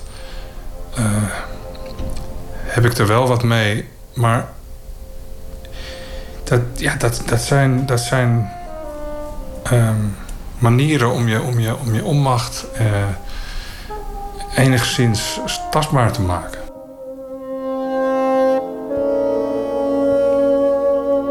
Foto's in het boek tonen een familie in die vreemde serene sfeer die ontstaat als de dood op bezoek is geweest. En dat allemaal tegen het decor van Fries platteland in de herfst. Iedereen is er, alleen de overledene is nergens. Wel zijn fiets, zijn afscheidsbrieven, het contragewicht, de fietssporen in het gras op de oever van de Tjonger, doorweekte kleren aan de waslijn. De nabestaanden die gaan kijken waar het gebeurd is, die een buggy voortduwen over een fietspad, een picknicktafel aan de waterkant, die gezamenlijkheid. En overal om die foto's heen de sobere, constaterende teksten van Jente, waarin ze bijna zonder tussenkomst van stijl, zoals hij dat zo goed kan, vertelt wat Bas zei over zijn vader en het beeld dat overblijft. Ik, ik wilde graag dat er iets gebeurde met de foto's die Bas had gemaakt in de dagen na de dood van zijn vader. Want Bas had ze gewoon gemaakt omdat hij daar op dat moment behoefte aan had en niet met het idee daar ga ik iets mee doen. Het is natuurlijk heel fijn als je een vader hebt die eh, op een of andere manier, al is het maar op een handvol terreinen van het leven, ergens een voorbeeld is. Eh, Is er ook nog een plek waarvan je zegt, nou, dat heb je toch echt wel goed gedaan? Ehm, ik, ik, vind, ik vind het zelf helemaal niet zo vreselijk erg dat hij dit heeft gedaan. Henk was, was, een, was een enorme knokker. En die heeft het vreselijk lang volgehouden. En op een gegeven moment had hij gewoon iets van... Ik heb er geen zin meer in, dat, dat, dat gevecht. En ehm, ik had het natuurlijk fantastisch gevonden als hij, als hij zijn, zijn eigen rust had gevonden en andere dingen uit het leven was gaan halen. Maar daar was hij ergens te star voor. En, en daar is hij, daar is hij al, al vrij vroeg op een gegeven moment waarschijnlijk... is er een knop omgegaan of is hij een, een, een, een weg ingewandeld... Die, waar hij niet meer makkelijk uit kon komen. Op een gegeven moment vond hij, vond hij het gewoon genoeg. Hoe denk je het liefst aan hem terug? Ehm, ja, ehm, Jente heeft min of meer letterlijk opgeschreven wat, wat ik over hem zei op een gegeven moment. En dat is een hele rare, kromme opsomming van wat hij allemaal was. Hij was een rare, lieve, agressieve, kwetsbare, slimme, domme man. Liet jij je vader graag je foto's zien? Of eh, had hij daar belangstelling voor? Ja, ja hij, hij, hij, vond dat, hij vond het leuk om te zien, maar hij was ehm, een beetje gestopt met, met om dingen geven. dat, dat, was, dat, dat ging heel langzaam, maar uiteindelijk ehm, had hij had hij heel veel van het, van de passie en het vuur wat hij altijd had voor, voor, voor, voor dingen en voor, voor kunst en voor muziek. En was, hij, was hij een beetje kwijt. Want als je- een beetje, hij, was, hij was het gewoon kwijt. Eh, Want als je dingen geeft, dan word je teruggesteld.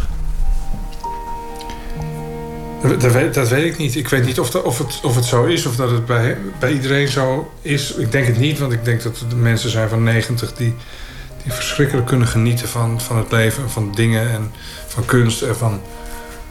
eh, ik, ik liet hem wel eens wat zien, maar hij, was, hij zag voornamelijk beren op de weg en had iets van: moet je dan zo laat nog ineens een ander beroep gaan kiezen. En dat, dat, als, je, als je wat ouder bent, dan wordt het allemaal moeilijker. En dat soort dingen kwamen eruit. En hij, hij kon niet anders meer dan dat. En dat, dat, dat, dat was voor mij ook pijnlijk om te zien al een hele tijd. En, en daarom is ook zo'n ontsnapping, als ik het even zo mag noemen, aan, aan dat lijden, is voor mij ergens een hele, hele goede en mooie gebeurtenis geweest ook.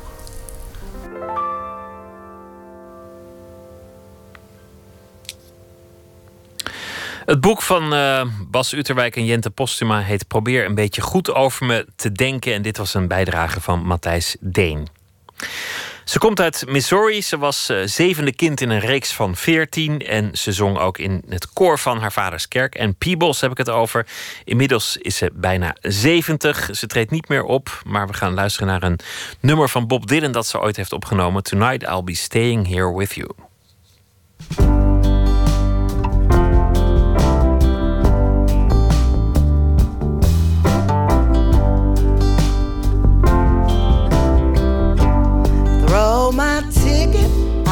The window. Throw my suitcase out there too.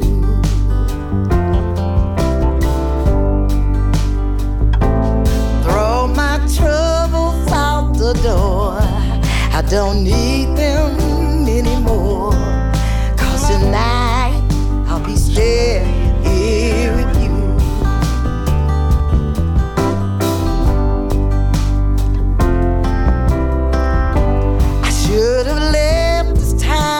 morning. But it was more than I could do.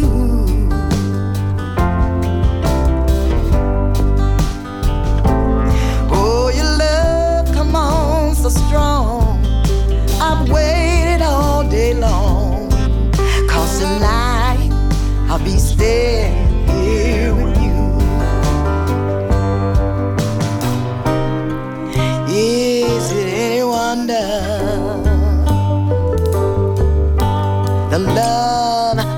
a stranger might receive? You cast your spell and I went under. And I find it hard to leave. I can hear the whistle blowing. I see the station master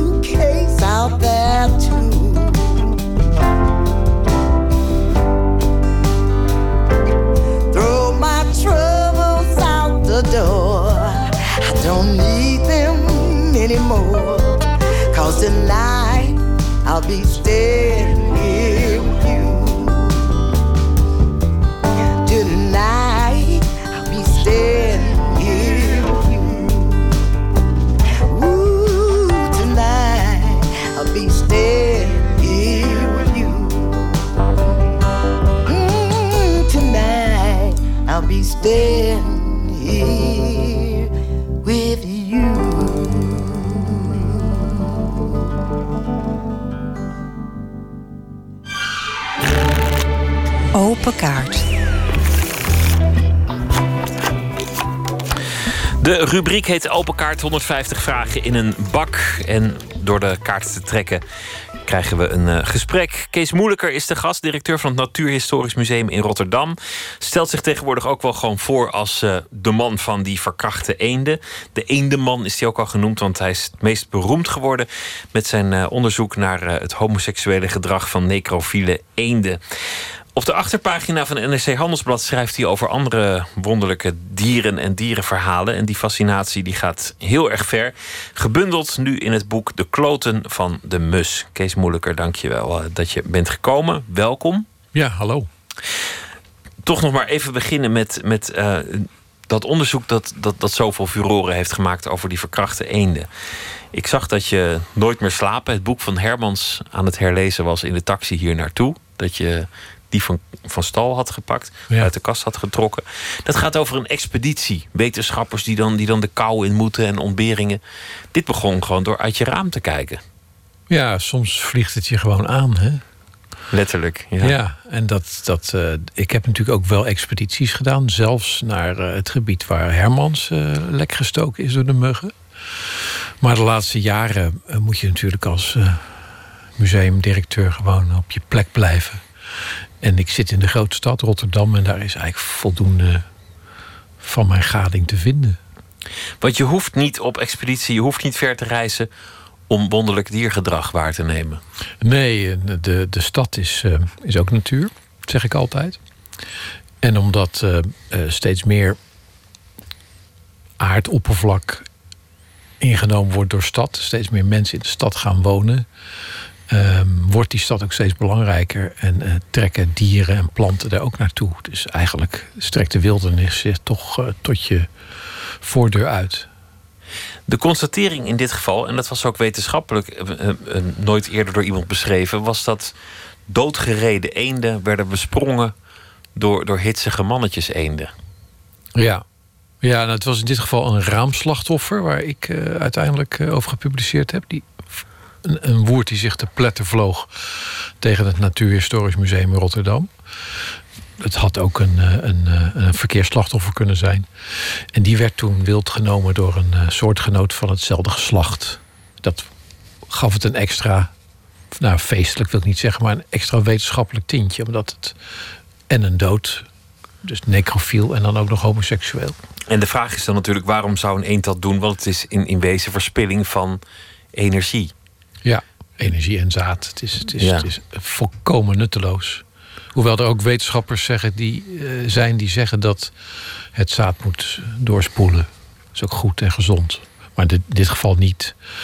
Nee, het is natuurlijk geen, eh, eh, geen gedrag wat op de voorplanting gericht is. Maar ik heb. Dit is 1995 hè, dat ik dit zag. Toen wist niemand er nog iets van af. Ik ook niet. We zijn nu 20 jaar verder. En ik heb daar heel veel studie naar gedaan. Ik ben tot de conclusie gekomen dat al die gevallen die nu bekend zijn, en dat, dat mijn archief is.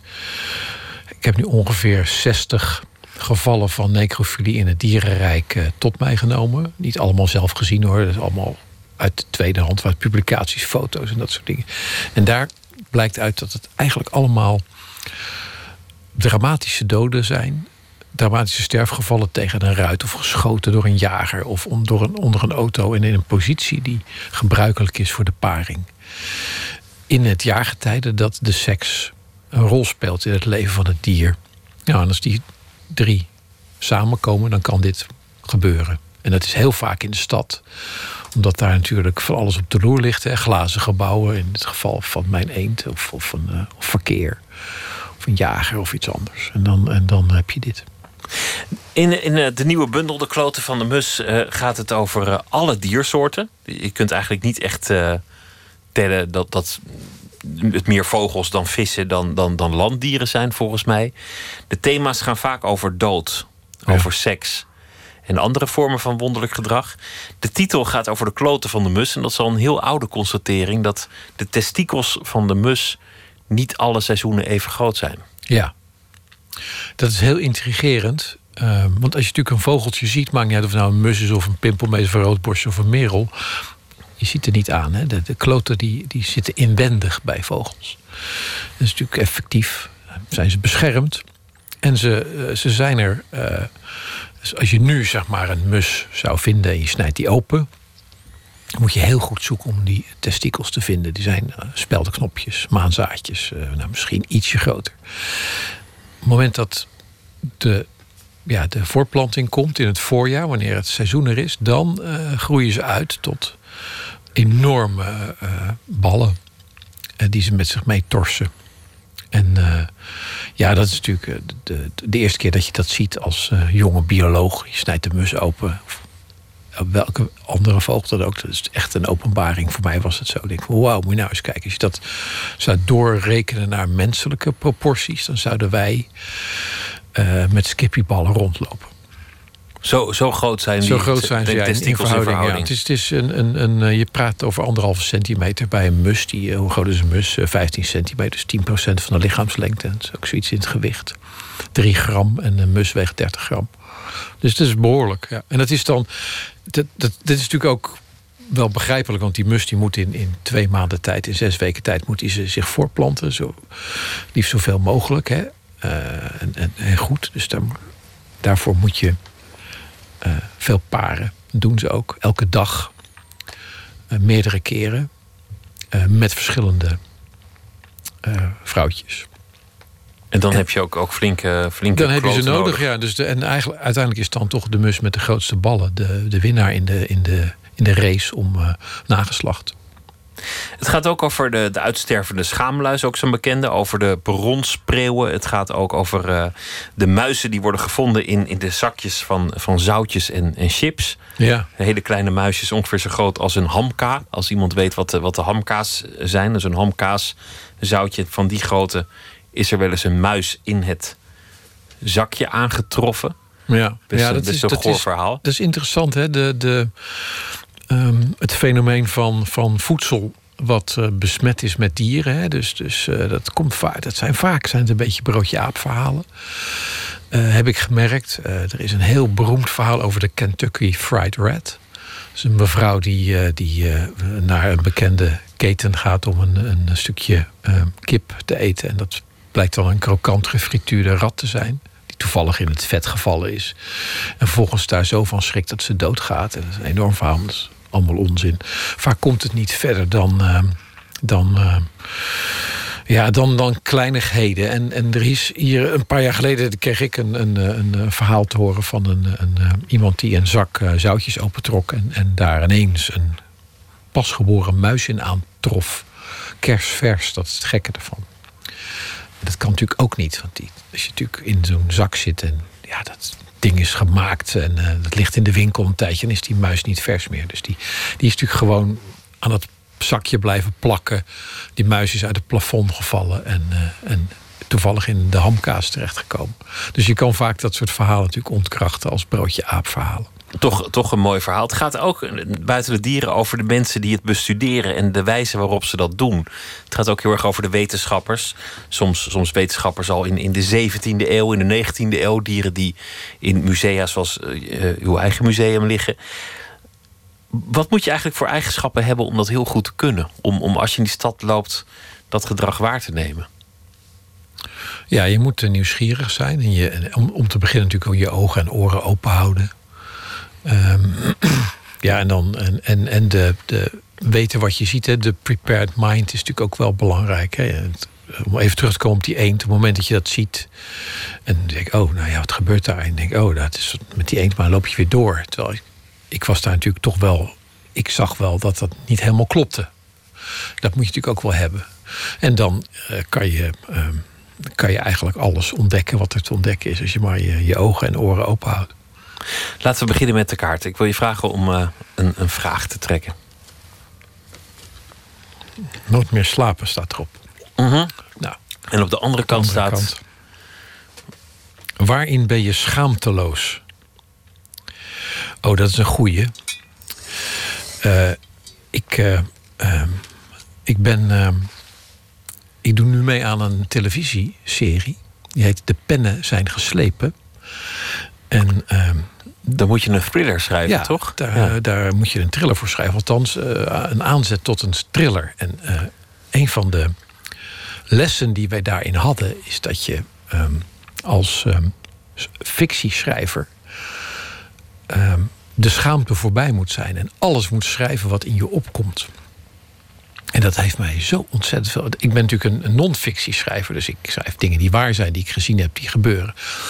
En eh, dus ehm, die, eh, om die schaamte voorbij te gaan... dat, dat was een... een, een eh, ja, voor mij echt een, een knop die om moest. Om gewoon echte onzin op te schrijven, die je gewoon nou, ter plekke bedenkt. Ja, niet onzin, maar ook dus bijvoorbeeld te schrijven hoe iemand op beestachtige wijze een, een kind vermoordt of zo. Wat natuurlijk in mijzelf nooit zou opkomen als, als eh, goede burger.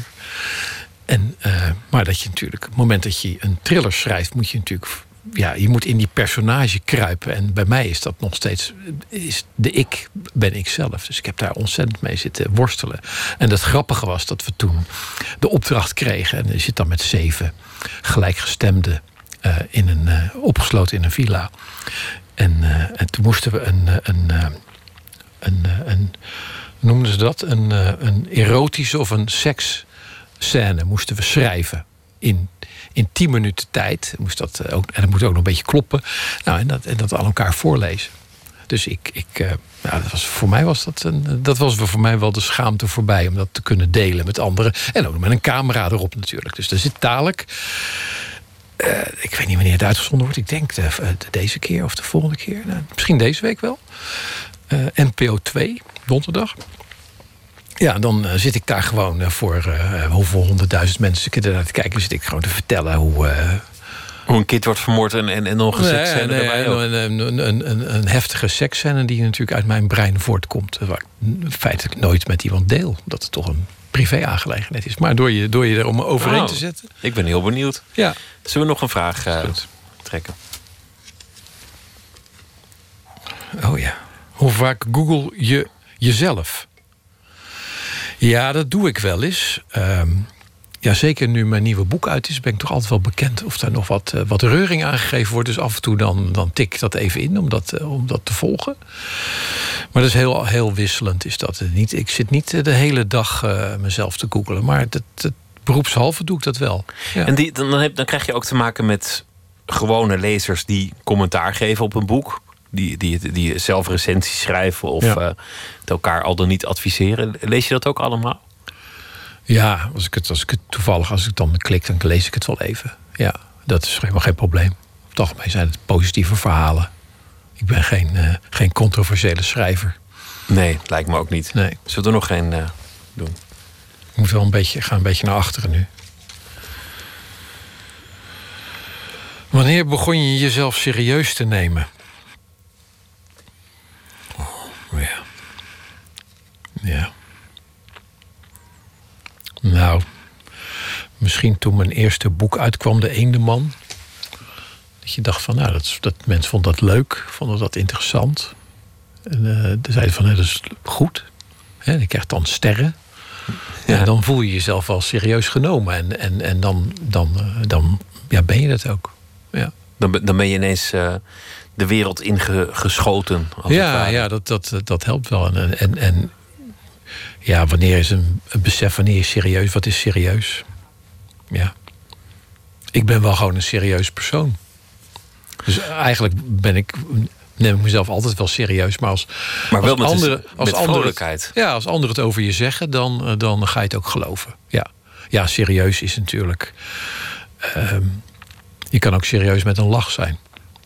Want dat is typisch, eh, nou ja, de, de uitstervende schaamluis bijvoorbeeld. Het is onderzoek dat je even doet grinniken, maar dat vervolgens Ja. over hele serieuze dingen gaat. Eh, Dat wel degelijk wetenschappelijk is en, en ook wel waarde heeft buiten de lach om. Maar Ja. het is op het eerste gehoord natuurlijk gewoon geestig. Voor mij is, is de, de combinatie van ernst en humor, eh, die moet er gewoon zijn. In, in bijna alles. Dat is heel belangrijk. En, en, en die schaamluis is een mooi voorbeeld van... om aandacht te vragen voor een veel groter mondiaal probleem van ontbossing en vermindering van de biodiversiteit. Het moment dat je gaat roepen van die arme panda's die sterven uit, en denken ze, oh, daar heb je hem weer. En dat weten we nou wel, maar ik vond er op een gegeven moment die schaamluis. Ik denk, hé, hey, dat is leuk, dat is sexy. Niemand die zich natuurlijk zorgen maakt om het uitsterven van de schaamluis, maar gewoon door de, de, de entourage waarin dat dier zich bevindt, heb ik daar enorm veel aandacht mee gekregen voor, voor het fenomeen, wat natuurlijk feitelijk hetzelfde is als het kappen van de bamboebossen in, in, in China. Het vernietigen sche- of van de scheren, habitat. eh, het Ja. scheren van schaamhaar. En dat, dat, is, dat is wereldwijd is dat een soort, soort eh, ja, eventjes een hype geweest. Ja, en als er nu weer iets, als er, als er morgen weer iets over de schaamluis in het nieuws staat, dan eh, Bellen ze jou bellen weer. ze mij weer. dan kan ik het verhaal weer vertellen. Het boek heet De Kloten van de Mus. Dank, Kees Moeilijker. Graag gedaan. Er komt een nieuw album van de Britse-Oostenrijkse producer Soon begin januari. En we draaien vast het nummer Conrad. I can feel it coming, we can never go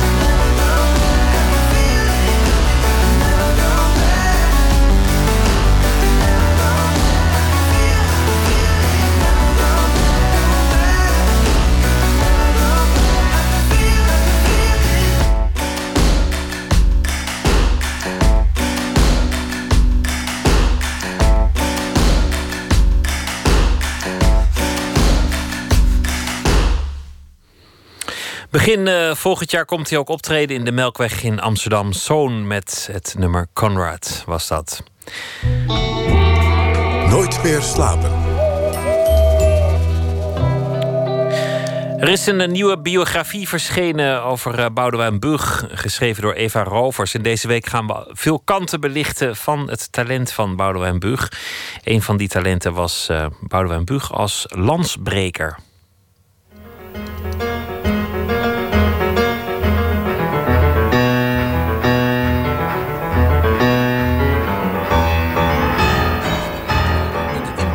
Gabonese dichter Tjalumir Damba... die in haar, bij haar chat... strikt Zo ga je dus niet met kunst om. Daar gaan we anders mee om. Gewoon een lekkere werkcola en normaal praten. Alsjeblieft. Kom op. Judith Herzberg dus. Judith Herzberg is een belangrijke Nederlandse dichteres. En Judith Herzberg heeft een nieuwe bundel gepubliceerd. Dagrest. Ik zal eens zo'n versje, gedicht, van haar voorlezen. En dat heet Elke Ochtend. Elke ochtend tussen het aandoen van zijn linker en zijn rechterschoen trekt zijn hele leven even langs. Soms komt de rechterschoen er dan bijna niet meer van. Zo zie je dat je ook van het aantrekken van schoenen poëzie kunt maken.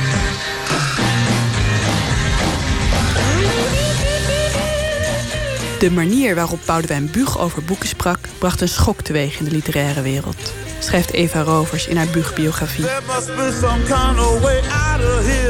Vanaf 1982 uh, heeft hij een boekenrubriek, De Verbeelding, bij de VARA. Uh, en dat doet hij op een geheel eigen wijze. Hij is dus niet van plan om op een hele serieuze, elitaire manier over boeken te gaan praten, maar wil echt uh, zijn liefde voor literatuur overbrengen. Doet dat met heel veel humor en heel veel anekdotiek. Als hij het over boeken heeft van bijvoorbeeld Oek de Jong of Hugo Claus, houdt hij geen droog praatje, maar dan beeldt hij de boektitels uit.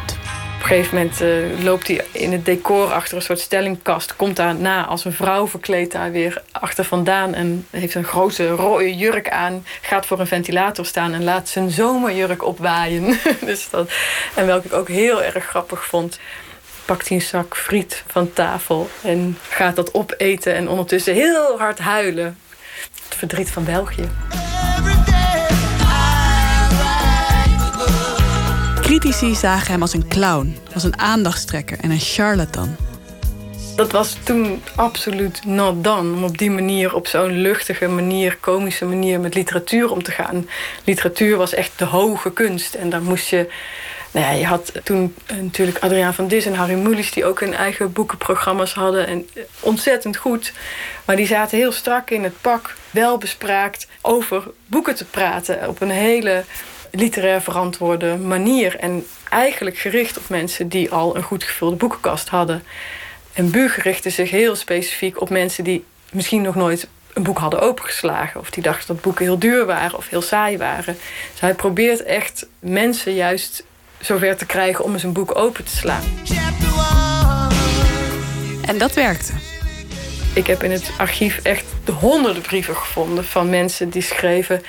Ik wist nooit wie Goethe was, maar uh, ik heb nu een boek van hem gelezen. Ik vind het helemaal geweldig. Of, uh, ik beschouw mezelf niet als een boekenwurm, maar ik uh, ben dankzij u helemaal aan het lezen geslagen. Dus ik denk juist omdat zeker in die tijd mensen nog echt dachten van nou boeken dat is iets voor alleen voor de heel hoog opgeleide medemens. Maar nou, hij liet echt zien dat iedereen daarvan kan genieten.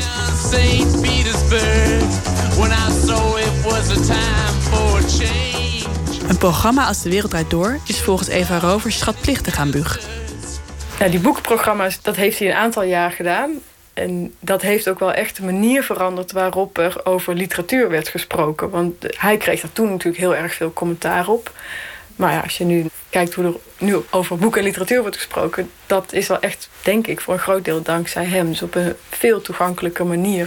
Dus hij was er constant mee bezig om te laten zien hoe leuk en makkelijk en uh, interessant vooral literatuur was. Want het was ook niet zo dat hij uh, er alleen maar een feestje van maakte en zei: uh, Het is allemaal leuk en je hoeft er verder niet over na te denken. Hij was wel heel erg bezig met boeken die ook echt een bepaalde kwaliteit hadden. Weet ik, het kon het werk van Couperus zijn, maar hij kon bijvoorbeeld ook eh, eh, literaire tijdschriften zoals Maatstaf of Tirade voor de camera houden. Eh, veel poëzie, veel eh, ja, echt eh, niet altijd even makkelijk, goed toegankelijke literatuur. Maar wist daar wel zo enthousiast over te vertellen dat mensen er nieuwsgierig naar raakten. En dat was precies zijn bedoeling. En aan het eind van zijn, van zijn loopbaan zat hij natuurlijk, eh, wat was het, iedere woensdagavond bij Barend en van Dorp. Commerciële zender, primetime. En dan zat hij er al met zijn 18e eeuwse boeken omhoog te houden. Boudewijn. Ja. Wat heb jij gedaan?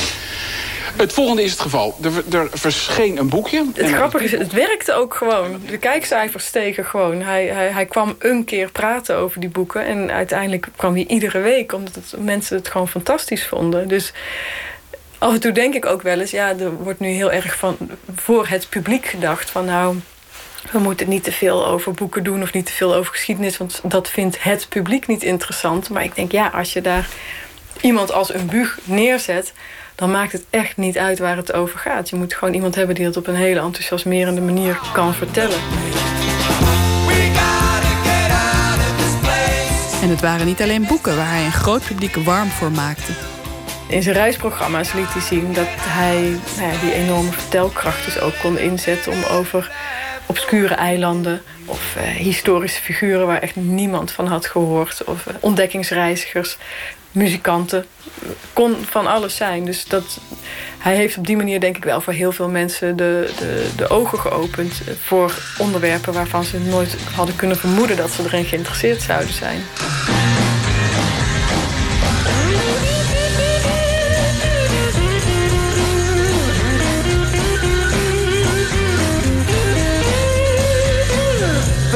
Be some kind of way out of here. Say the joker to the thief. There's too much confusion.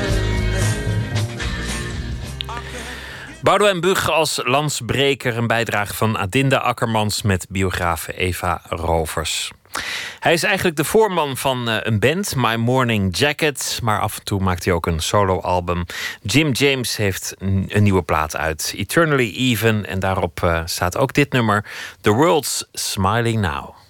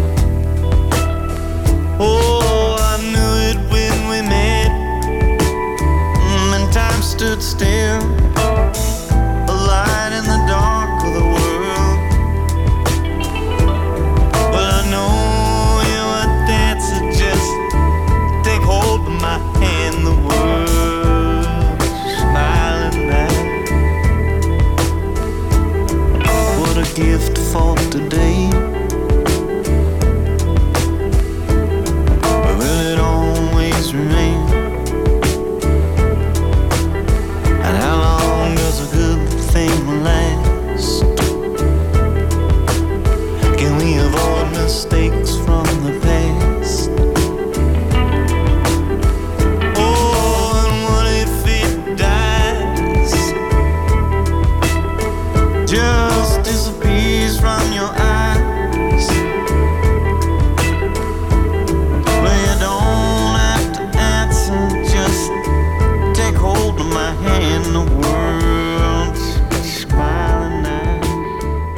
Jim James, The World's Smiling Now. We eindigen met poëzie van Joke van Leeuwen.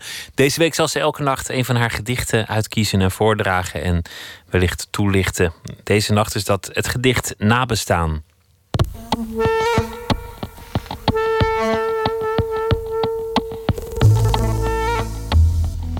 Nabestaan. Soms zie ik jullie gaan. Bezig met inzicht, kinderen en kosten. Twee wat gekromde ruggen in een toen nog groene laan. Zo lang als samen op een steen geschreven. Onder een bloesemboompje dat kan sneeuwen. Mijn haren worden wit. Ik weet me wees op leeftijd. Draag nieuwe vouwen in mijn vel. Er wordt veel digitaal geschreeuwd. Er is nog altijd popmuziek tussen het nieuws. Over de liefde voor zover. Oorlogen woeden weer. Er raakt weer veel ontwricht. Men eet hier nu quinoa en spelt, had ik dat al verteld, en haast geen kaantjes meer. Er wordt onthoofd en onbedaarlijk soms gelachen. De herfst is prachtig nu. Dat licht. Ja, dit is geïnspireerd op de nagedachtenis aan mijn ouders, die respectievelijk 11 en 31 jaar geleden gestorven zijn. En ik toch merk, ik ben over de 60, dat eh, misschien juist als je wat ouder wordt, die beelden en die herinneringen weer sterk terugkomen en wat ze hebben betekend toen wij nog jong en beginnend waren. Dus dit is eigenlijk een gedicht voor die ouders die er lang niet meer zijn. Tegelijkertijd toch ook over nagedachtenis. Ja.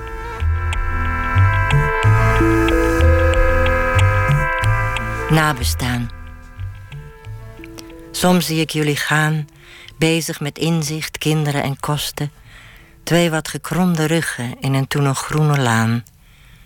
Zo lang al samen op een steen geschreven, onder een bloesemboompje dat kan sneeuwen. Mijn haren worden wit. Ik weet me wees op leeftijd. Draag nieuwe vouwen in mijn vel.